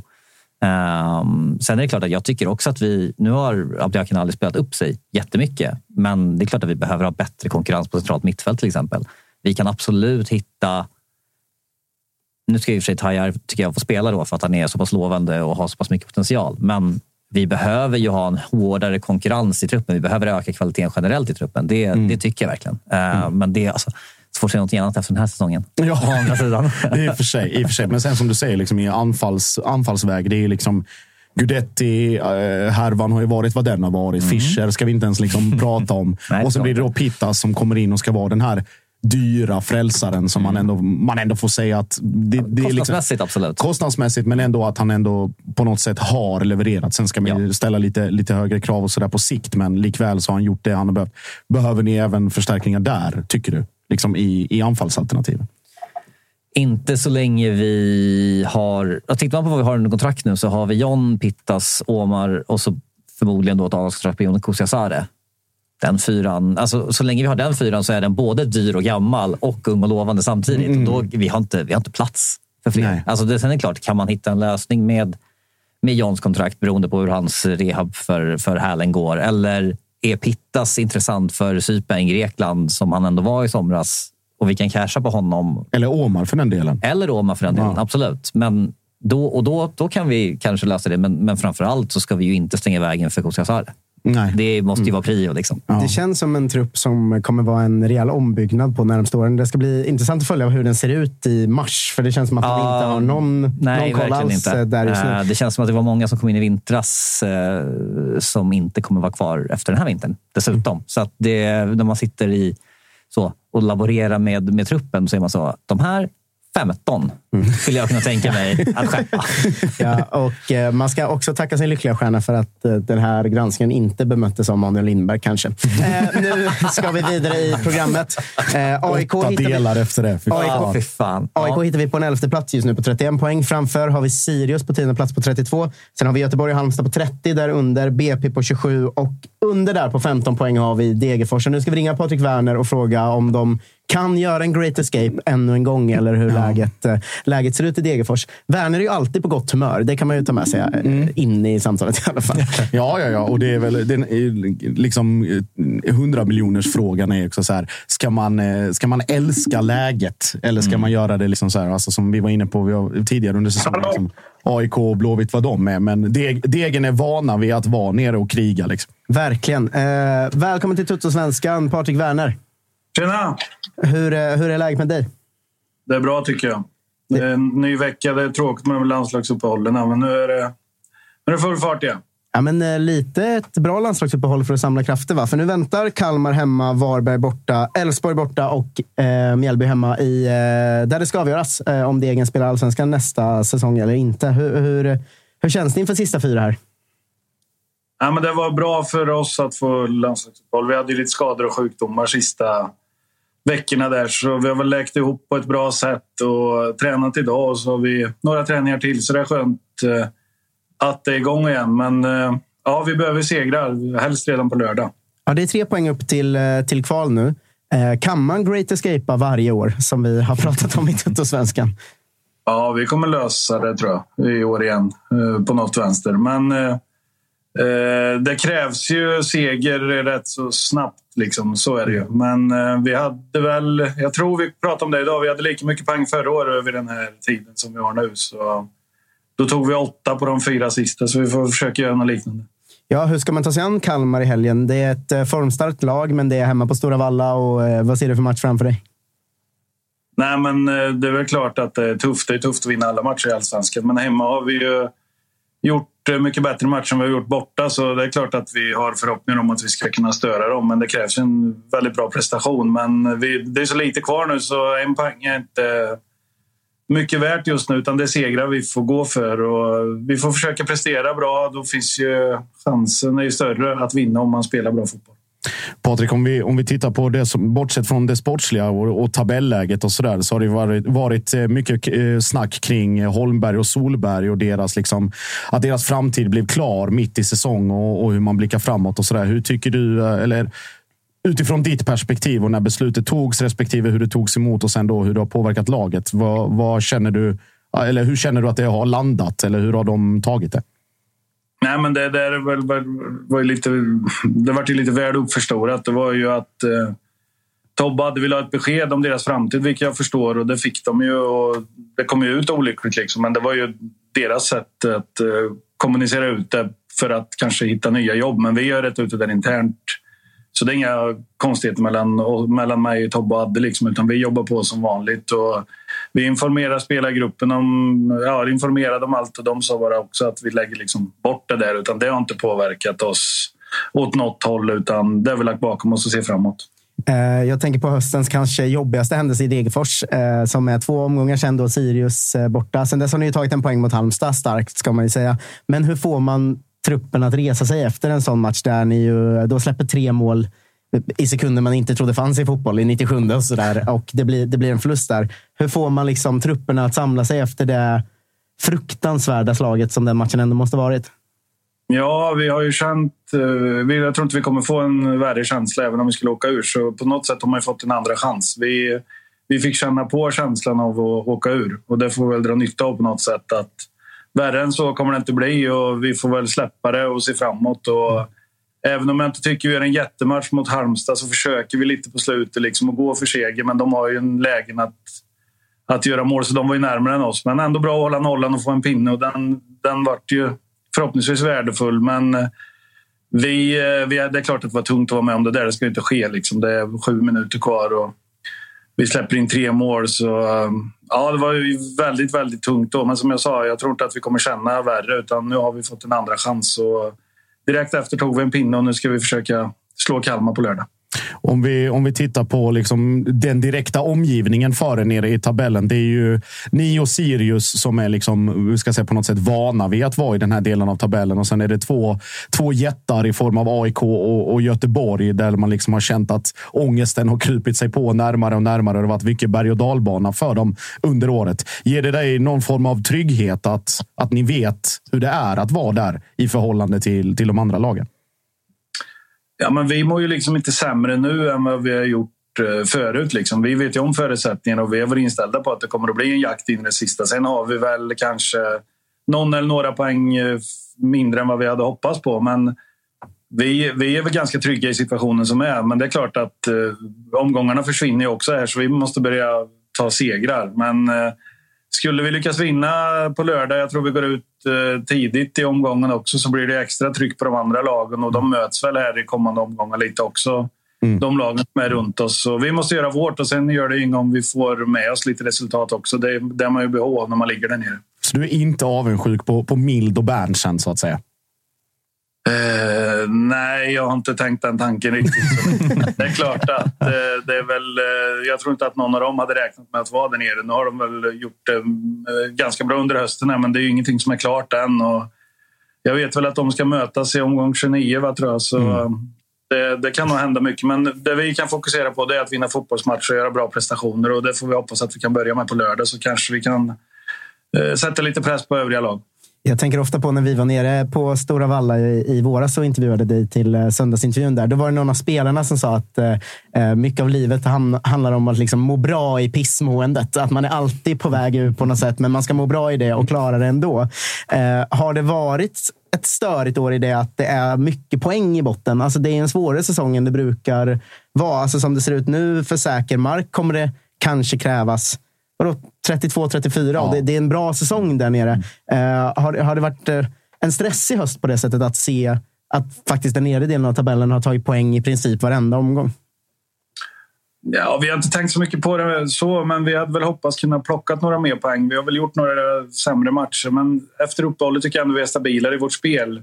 Så helst hade vi naturligtvis legat eh, några placeringar högre upp, men nu är vi där vi är och det var som vi pratade inledningsvis här. Det är ju inte så att vi eh, inte var, var liksom förberedda på att det skulle gälla in i omgång 28-29-30 utan vi är väl införstådda med det och vi ska göra det bästa av situationen. Så vi mår ju inte sämre nu än vad vi har gjort i, i våras eller förra året utan den här pressen och det här har vi haft runt oss i, i ett par år. Ni där, där nere hatar ni inte, där uppe blir det väl, ja. eh, hatar ni inte chansen att skicka ut ett gäng stockholmare heller va? Nej, vi skiter egentligen i vilka som åker bara vi klarar oss kvar. Så det är där vi lägger Ja, men eh, Perfekt. Eh, sen, jag, jag, tänkte också, om man blickar, det, det kan ju inte ni göra förstår jag, men matchen efter Kalmar hemma är ju Varberg borta. Eh, hur är det att möta ett lag som ja, men redan är klara för att åka ur och skulle kunna vara lite utcheckade, men också mest skulle kunna vilja jävlas med er? Hur, hur är den situationen? Nej, men det är väl klart att en sån match måste vi lösa på något sätt. Men du har ju sett de sista matcherna där så har många lag haft problem att vinna med uddamålet tror jag. Så det, det här kommer inte bli någon enkel match. Men eh, vi vill inte sväva iväg och prata om matcher som kommer. Men det är klart att de här som kommer nu, Kalmar, Varberg, där måste vi plocka poäng. Sen ska vi till Elfsborg borta och så avslutar vi med Mjällby hemma. Så det är bara att kolla på tabellen att vi måste ha treor. Och, mm vi får ta Kalmar först och sen får vi ta Varberg. Men det är absolut inget lag man bara åker ner och vinner mot. Utan det krävs en jättebra prestation där också. Man vet ju aldrig om det är bra att liksom, uh, inte ha något att spela för. Om de slappnar av och får till det eller om de liksom har tappat lite motivation. Det vet man inte förrän efteråt. Patrik, om vi tittar på, eh, utifrån din roll och kontraktslägen inför nästa år och sådär. Eh, liksom, jag, jag, förstår att man har liksom, man tar höjd för ett scenario där man kanske spelar i en annan serie med tanke på Degerfors liksom, eh, roll i svensk fotboll och erfarenheter och sådär. Men har du, känner du att du har bra koll på läget eller kommer det bli en, en intensiv vinter för dig på, på spelarfronten? Men vi har ju ganska bra kontraktsläge på de spelarna som är. Det, vi har ju några lån som eh, liksom, eh, ja, ska tillbaka till de klubbarna de är ifrån. Sen har vi väl fyra eller fem avtal som går ut. Så på så sätt ser det ganska bra ut. Men just nu är det ju väntans tider. Eh, liksom, det är svårt att veta. Vi måste veta vart vi är först innan vi kan jobba på. Men kontraktsläget ser ganska bra ut med de spelare vi har. Mm. Eh, jag tänker som avslutande fråga här att om ni klarar er kvar, eh, oavsett om det är mm, liksom utan kval eller med kval, hur kommer festdagen på Bosna se ut och är vi bjudna? Ja, skulle det bli så så är ni bjudna, det kan jag säga. Men det är väl dumt att sitta och prata om att vi ska eh, festa och fira ett eh, kontrakt. Utan vi får se till att klara det först. Så det brukar inte vara något svårt att få bra fester på Bosna, så det behöver vi inte planera. Utan blir det så att vi klarar oss så är ni välkomna, det kan jag säga. Hur många till botten eller toppstrider eh, klarar Werner innan det blir liksom pensionen här? För att du varje säsong är väldigt lång tid nu, känns det som. Ja, så är det Men det, samtidigt är det kul när man löser det. Men ett år skulle vara gött att ligga mitt i tabellen. Men vi får ta det nästa år. Det kommer att vara inne i slutet där också. Så, eh, det är roligt när man klarar det och vi har gjort det förut och vi ska försöka göra det igen. Ja, ja, men vi ser fram emot en liksom lugn tionde plats 2024. Göran Mjällby. Ja, det vore gött. Ja. vi ju Bosna lite tidigare än omgång 30. Då är ni välkomna när som helst. Just det, Bosna i september nästa år. Vilken dröm. Ja, eh, tack för att vi fick ringa dig och eh, lycka till. Tack Patrik. Ja, lugnt. Tack så mycket. Ha det bra. Hej då. Allsvenskan är sponsrade av Creator Studio. Ett fantastiskt företag som trycker och producerar snygga kläder där man helt enkelt kan trycka sitt motiv själv på t-shirts, hoodies, sweatshirt och mycket annat. Ja, och eh, jag har ju en plan här. Eftersom man, bara kan, man kan välja att beställa en tröja istället för som det brukar vara. Du måste beställa 200 eller så. Du, du väljer själv kvantitet. Jag är sugen på att trycka upp eh, fem olika t-shirtar. En där det står “Vad gör du Klitte?” En där det står “Vad gör du Sjöberg?” En där det står “Vad gör du Alakim?” Så kan man liksom ha, anpassa sig till matchen. Ah, Eh, smart. det är en bra idé på riktigt. Hur många svenska domare har vi? Jag tänker hur många t-shirts behöver du beställa? Kanske 12? Ja, men vissa, Makedon kan inte förtjäna någon än. Nej. Eh, Men eh, det, det är bra grejer. Det är kvalitet, man får grejerna snabbt. Det är organisk bomull, återvunnen polyester. Det är liksom hållbart och bra och det gör mig, det gör mig glad. Det är, en, det är en sponsor jag ställer mig bakom. Jag är lite sugen på att köra bara en klassisk avgå alla tisha som ju passar väldigt bra för AIK säsong 2023. Eh, en annan finurlig grej med Cricket Studio är att eh, man kanske har eh, polare eller bekanta sådär inom, inom sin supporterkrets som, som gillar den idén man har och vill ha en liknande tröja. Man kan ju vara så schysst och liksom beställa åt andra, men man kan också göra så att man tar fram ett motiv och, och ska göra sin beställning och så kanske någon polare eller någonting ser den här tröjan eller vad det nu kan vara. Då kan man dela länken bara direkt till sin design och till sin tröja. Och så kan den andra personen eller, eller den tredje personen i sin tur då gå in och känna och klämma lite och, och beställa storlek och så vidare och, och göra en egen beställning. Så man kan dela länken. Man måste inte vara den där schyssta, ansvarsfulla kompisen och, beställa åt alla. För då landar det såklart alltid på en själv att, att fixa sånt. Eh, så det är en väldigt eh, härlig detalj. Dessutom så har vi en eh, väldigt fin rabattkod. Totosvenskan 25. Det ger 25% rabatt på en beställning hos Creator Studio. Eh, gå in på creatorstudio.com där ni kan eh, skapa ett gratis konto och börja skapa era tröjor med tryck. Vi säger stort tack till Creator Studio. Tack! Vi är väldigt stolta att presentera det här samarbetet, August. Det är ju tillsammans med Mindler och det är ju Sveriges största digitala psykologmottagning. Det är inga väntetider. Du träffar en psykolog vart du vill med din telefon. Ett besök kostar bara 100 kronor och frikort gäller då Mindler är en del av primärvården. Och varför är det så viktigt att prata just kring Mindler, Agge? Ja, men jag upplever, och många, många med mig också, att det finns ju det finns någonting eh, jobbigt att prata om de här sakerna och Mindler vill ju bryta stigmat som finns när det kommer till att prata om mental hälsa. Eh, inte minst bland män upplever jag det som att det kan, eh, ja, men det kan finnas en tröskel att, att faktiskt öppna upp vad man känner och hur man mår.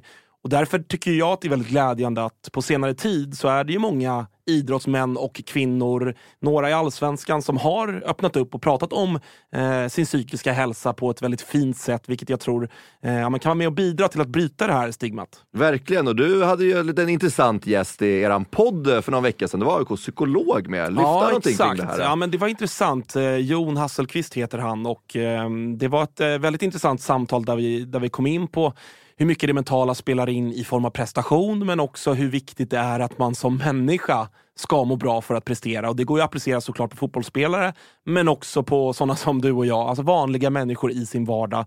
Att det är, eh, det är viktigt att lyfta upp det här till ytan och att eh, hantera det. Verkligen, och känner ni att ni vill ha någon att prata med så finns ju Mindler där för er. Och det som är så himla bra är att du väljer själv vilken psykolog du vill prata med och du kan byta om du känner att ni inte riktigt klickar. Och Mindler finns ju för alla som är plus 18 år. Så gå in på mindler.se och läs lite mer och boka din tid hos en psykolog redan nu om ni känner att ni behöver liksom hjälp kring det här ämnet. Stort tack till Mindler.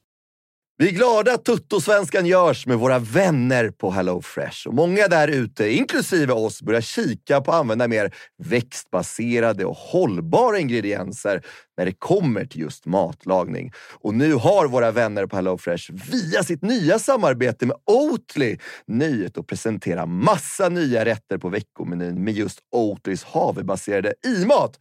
Och varför i-mat, Dage? Ja, men det är väl kanske en fråga man ställer sig. Men det är ju så att det är en ingrediens med 61 procent mindre eh, CO2-utsläpp och 83 procent mindre mättat fett än traditionell grädde. Så det är ett väldigt bra substitut. Ja, men och denna vecka så har vi kollat på HelloFresh hemsida och eh, botaniserat lite kring recepten som innehåller just i-mat. Och min tydliga, tydliga favorit är den soltorkad tomat rigatonin som ju har då lite soltorkade tomater, det är körsbärstomater, det är rucola, zucchini, riven ost. Ja, men ni hör, en väldig massa smaskiga grejer som blir en krämig pasta. Just att använda rigatonin, Freddy, som jag vet att du gillar också, som just suger upp all den här såsen. Mm, den är en favorit hos mig. Verkligen, och jag gick faktiskt händelserna i förväg och testade redan förra veckan deras medelhavsinspirerade räkgryta med just i-matsåsen och sen lite, lite, lite fint långkornigt ris. Eh, och Agge, vi har ju som vanligt en kanonkod också med våra vänner på HelloFresh.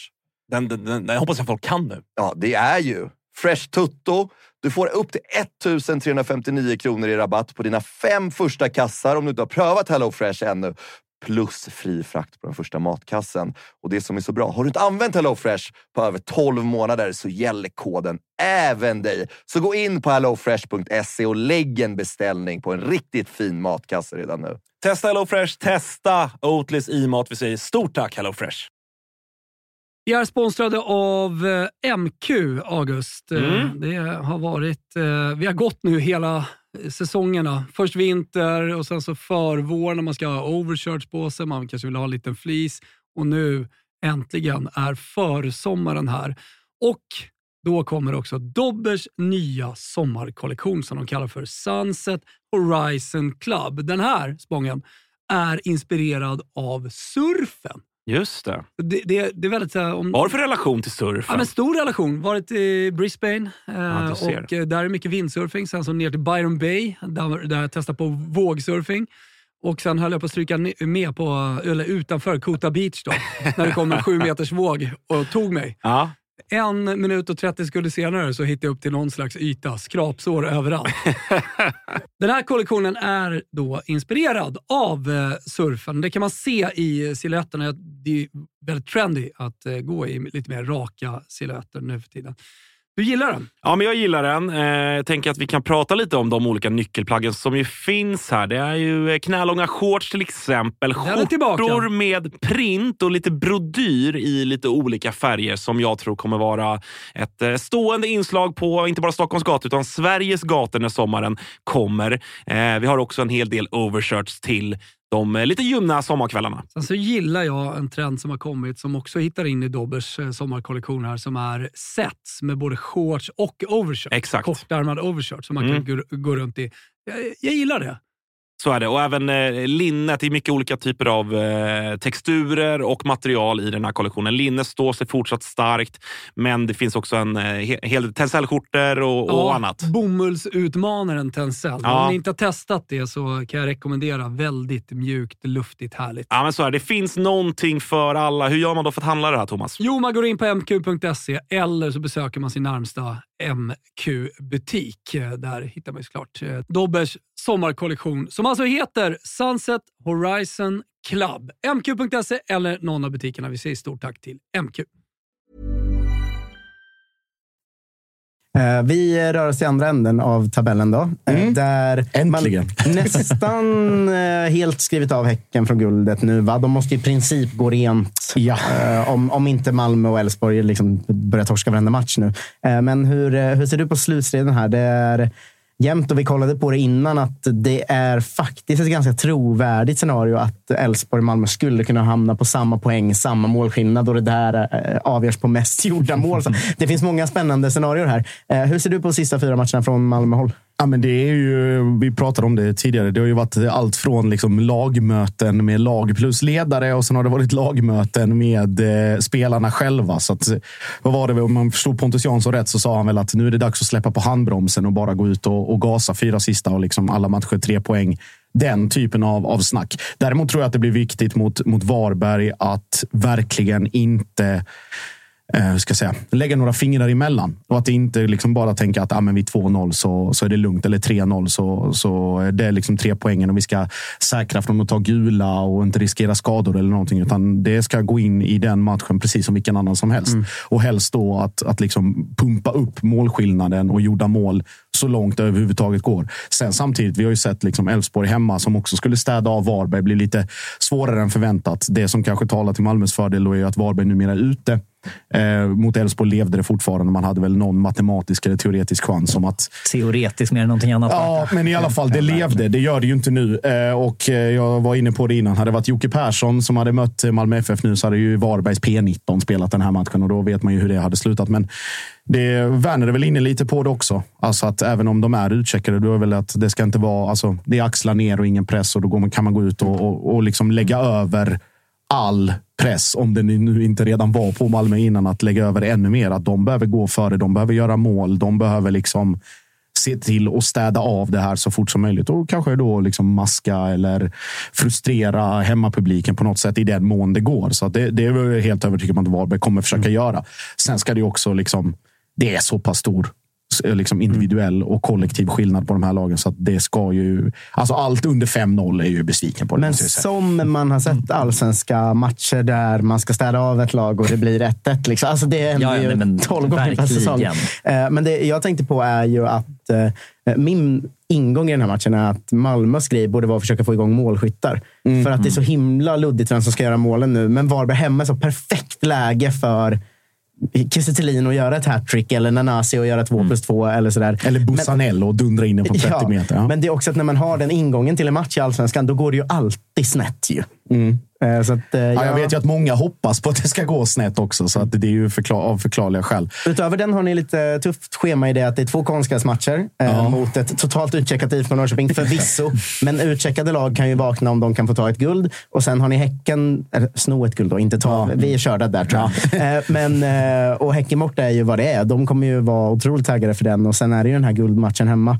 Eh, på ett sätt mardröm, men på ett sätt dröm väl. Det är ju Malmös guld att vinna verkligen här. Ja, och även om Elfsborg leder med, med två poäng och, och liksom har allt i egna händer på det sättet så är det ju ingenting som är, som är över. För Ni en- har ju faktiskt också allt i egna händer. Eftersom Ja, exakt vad det jag skulle säga. Att ingenting är ju, är ju över i och med att vi har dem kvar. Och vi har, hur ska jag säga, vi, jag mådde rätt bra när eh, Kalmar eh, fullständigt demolerade Elfsborg på Borås Arena. Så fick man det i röven hundra gånger värre bara några omgångar senare. Men just den biten att det har, alltså det har inte glimrat kring Elfsborg under hösten. Det har varit för mycket hur ska jag säga? Alltså det, det har varit individuella prestationer som båda gått. Alltså Jalal Abdullahi är guldjoker som heter duga. Liksom att han ändå, Hedlund ska vi inte glömma. Hedlund som börjar komma igång och Abdullahi som ändå kommer in mot Halmstad. Tar, gör ett mål och tar två gula inom loppet av tio minuter. Det måste ju också hyllas på något sätt. Men just att, att Malmö, som du säger, att det, det är Kiese som, som behöver få loss den här målfabrikationen. Vecchia behöver göra sin, sina poäng. Nanasi och Berg, liksom de här offensiva spelarna som, som ska ta ansvaret och, och verkligen leda Malmö in i guldstriden behöver ju också, också visa med poäng och inte bara med, med snack eller med någon tackling, alibi-tackling ut över sidlinjen för att väcka publiken, vad det nu kan vara värt. Men att, att, det, kliv, att det klivs fram och att det är fler som tar, eh, tar ansvar och eh, inte gömmer sig. Alltså, det, har ju inte, det har inte sprakat med Elfsborg, men det har inte sprakat med Malmö heller den här och- hösten. Om vi nej det har det ju inte. Alltså, Det har det absolut inte gjort. Och det, är väl, det finns väl eh, hundra olika förklaringar till det. det alltså jag, jag tror bara att det här är en... Eh, eh, liksom, alltså så här, med, med tanke på hur våren såg ut och att det maskerades lite grann av de här sena segrarna och att det var väl någon form av reality, reality check lite efter sommaren. Att det har hänt mycket och de som har kommit in för ganska mycket pengar har inte heller levererat så som man trodde. Berg har ju gjort det han ska. Alltså i det avseendet. Man kan inte kräva så mycket mer.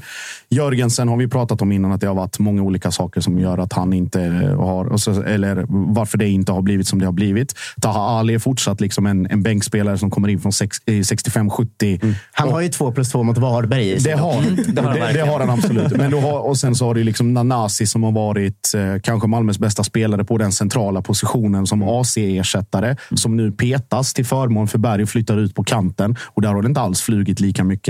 Vecchia vet man är också en sentajmad tackling för att vara borta. i två månader med hans skadehistorik och så vidare. Hur Så ser att- man på Berg Jonsen just nu? Ja, Jag, Alltså- jag är inte alls övertygad. Jag tycker att hans samspel med eh, Peña är eh, väldigt, väldigt dåligt för att vara krass. Jag tycker att det blir alldeles för, det, det är ett all, för långsamt inne mitt fält och det är väl lite att de försöker hitta sina roller lite, lite grann, vem som ska göra vad och så försöker de båda gå ner och hämta boll samtidigt eller luckra upp med någon diagonal eller med något fint instick. Peña tycker jag var fantastisk under våren, eh, men blev också väldigt lidande av att både liksom Hugo Larsson och AC försvann och att hans Hans roll förändrades lite grann, för nu är det han som är den konstanten på det mittfältet och får liksom dra både upp och ner. Och Berg Jonsen som ändå i, i perioder har visat varför han är värd de pengarna, men att det finns väldigt mycket, mycket, mycket mer att hämta. Men det är verkligen när han hämtades att det kändes som att det allmänna snacket var så här, vilken kvalitetsgaranti. Liksom. Han Ja, kan gå in och vara hur bra som helst. Och jag tycker verkligen att mestadels har det sett ut som en jävla tre plus-spelare. Hans bästa bara. match är ju fortfarande den när Peña inte spelade. Alltså Mm. då, för då satt, det, var det Bayern Bayern, borta? ja. Ja. då var han, det där såg man vilken jävla höjd Ja. det fanns. Men så fort han spelade med Peña så, så tycker jag att det ser... Jag vet inte. Det klickar inte. Nej, det klickar inte. och det är för att de inte. går in lite i varandras liksom, eh, både toppegenskaper men även taktiskt. Att någon går ner och hämtar och så plötsligt står båda där och då är det en lucka och så vidare. Så att det samarbetet måste klaffa bättre här i slutet för att, eh, för att fortsätta. Sen är ju frågan hur man ska lösa det. Ska man fortsätta och ge dem? Det är ändå liksom det bästa in i, mitt, in i mittfältet vi har. Ja, det är det. Det är det, Rosengren har ju, är ju också dyr och upphypad, men har liksom dragits med lite skadebekymmer. Gjorde ju sitt första mål nu mot Bayern och kommer in, men det är inte liksom han. Det går inte att ställa dem. Jag ska säga inte går, men man kan inte heller förvänta sig att Rosengren ska vara den som går in och liksom styr upp ett innermittfält i Malmö FF med fyra omgångar kvar. Så att det finns många. Alltså det, det är ganska mycket huvudbry för, för Rydström här framöver och då med den hur ska jag säga, den extra faktorn att eh, Elfsborg liksom bara väntar på att, att Malmö ska tappa någon poäng. De vinner och sen är det klart. Liksom. Så att de, Det är- de marginalerna finns ju där. Det är en riktigt tråkig touch på säsongen. att liksom, ah, Den här hösttabellen, då, andra halvan, liksom, att de tre bästa lagen är de som ligger liksom femma, sexa och åtta. Det säger, säger något. Ja, faktiskt. det var sjuan som missade det, Peking. Vi, vi, vi är sämst av alla fortfarande. Eh, Det enda som har hänt i Peking-led, det är det enda vi kan säga om dem, det är att det kom ut en video där de visar upp att Glenn Riddersholm har nu med tuschpenna börjat klottra inspirerande citat på hela väggarna på parken. Så det är klart att det är psykotisk stämning eh, är det där. Eh, Jag har skrivit allt det här själv. Eh. Eh, Men hur har topp- toppstriden varit att följa för dig? Många pratar ju om att den är tråkig, men det är ju för att det inte är Stockholmslag med. Det fattar ju vem som helst. Eh, Men hur ser du på toppen och vilka tror du tar det till slut? Jag tror fortfarande... Eller så här. Jag tycker ju verkligen att det vore ett sick fiasko om inte Malmö tar det. Alltså, men de har spenderat i år mer än vad, vadå? 11 av 16 klubbar har eget kapital på nya spelare. Det är klart de ska ta det. Det är helt självklart. Tar de det inte så är det en flopp. Har inte Europaspel heller? Har inte? Europaspel, exakt. Ja, Rydström är ny, absolut. Men ni fick handplocka en tränare och han har fått handplocka spelare. Alltså det ska inte gå, det ska inte gå misslyckas. Sen kan man ju också säga att om Malmö tar 67 poäng och ändå inte vinner guld, ja, bra jobbat Elfsborg. Liksom. Ehm, men jag tycker ju att Malmö borde ta det. Jag tror fortfarande att Malmö tar det. Ehm, det tror jag. jag tror att de, har de bara hugg inför um, AIK IFK Göteborg på Wish där i sista omgången så, eh, så blir det. För det måste man ändå säga. As far as seriefinaler goes så jag Malmö-Elfsborg är rätt deppig alltså. Det är ju inte 2009 direkt. Eh, nej, är inte det för inte. dig privat.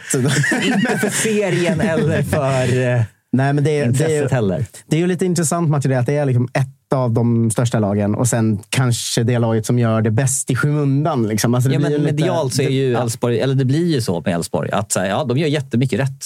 Det gör de verkligen, men, men det är också en ganska deppig förening rent medialt och rent publikmässigt. Det är ju något med att de har liksom flera av seriens absolut bästa spelare Mm. på... Säg att de har topp tre bästa vänsterback och topp tre bästa mittback Ja, och topp tre bästa Absolut. högerback och sådär. Men att deras känns också som liksom de tråkiga versionerna. Det är roligare med en galen brasse än liksom Niklas Hult. Ja. Så Det är det så- verkligen. Det är det. det är ju det är verkligen talande. Det är ju dock eh, lite intressant, men vi ska ju prata mer om eh, både Elfsborg och Häcken och eh, alla de andra lagen i andra avsnitt. Men det är ju intressant att Häcken faktiskt reellt kan missa topp tre fortfarande när man ser ju att de har bäst toppar. Alltså, Mm, det har vi pratat om så mycket. Att när de visar sin höjd, då är det ju på en annan nivå. Mm. Men, men det är faktiskt så att med fyra omgångar kvar och ett Häcken som haltar och ska spela i Europa så är Djurgården bara fem poäng bakom.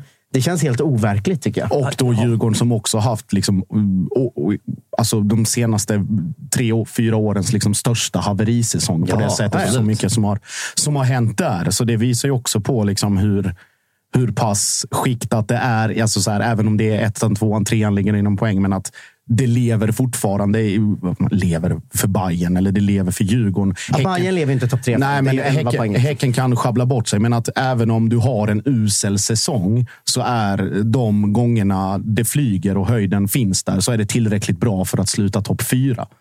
Alltså för Djurgården. Stödjer inte det bara Spångens tes om att det är en riktigt dålig allsvenska i år? Att ett så här dåligt Djurgården fortfarande hänger på topp tre? Ja, det är väl kanske en, en mer av en eh, mental och fotbollsmässig lavett till de andra.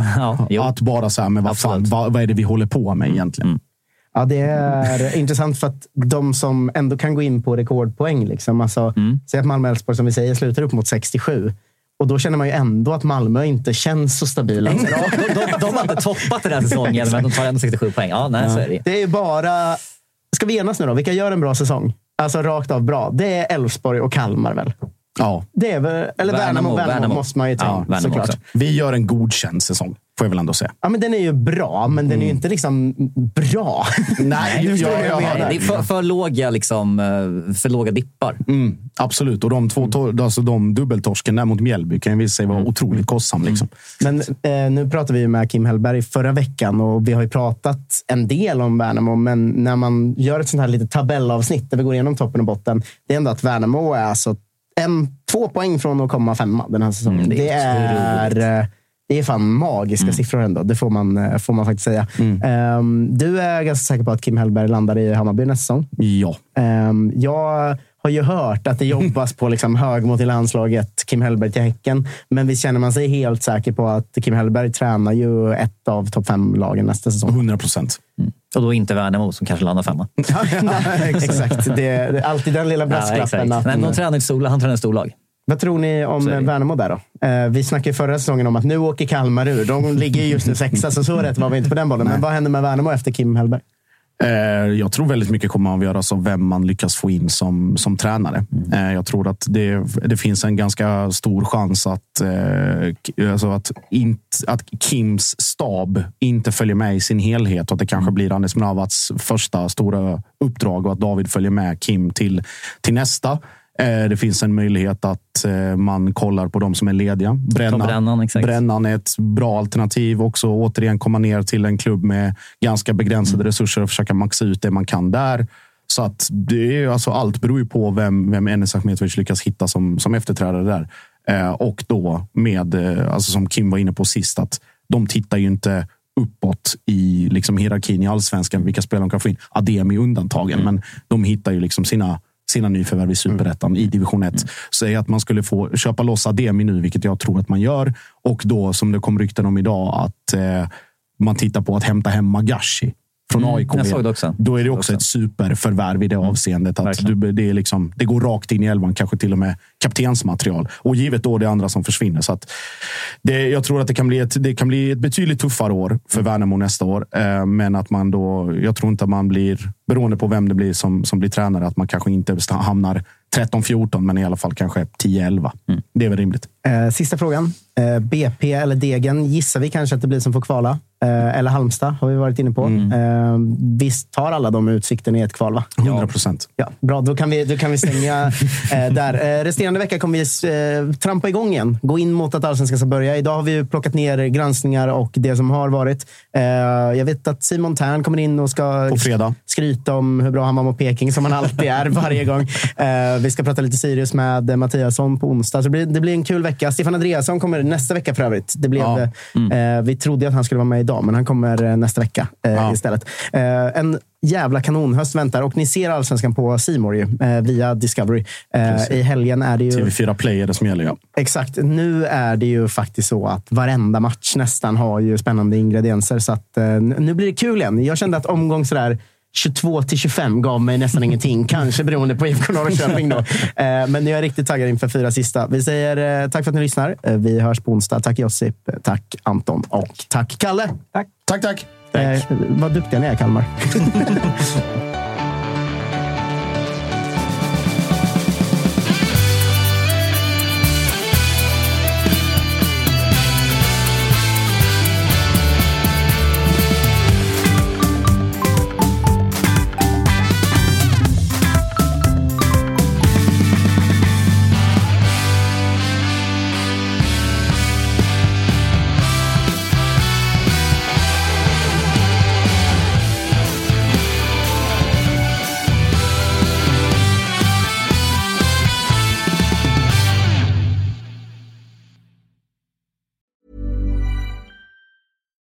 deserves the best, and there's no better place to shop for Mother's Day than Whole Foods Market. They're your destination for unbeatable savings, from premium gifts to show-stopping flowers and irresistible desserts. Start by saving 33% with Prime on all body care and candles. Then get a 15-stem bunch of tulips for just $9.99 each with Prime. Round out Mom's menu with festive rosé, irresistible berry chantilly cake, and more special treats. Come celebrate Mother's Day at Whole Foods Market.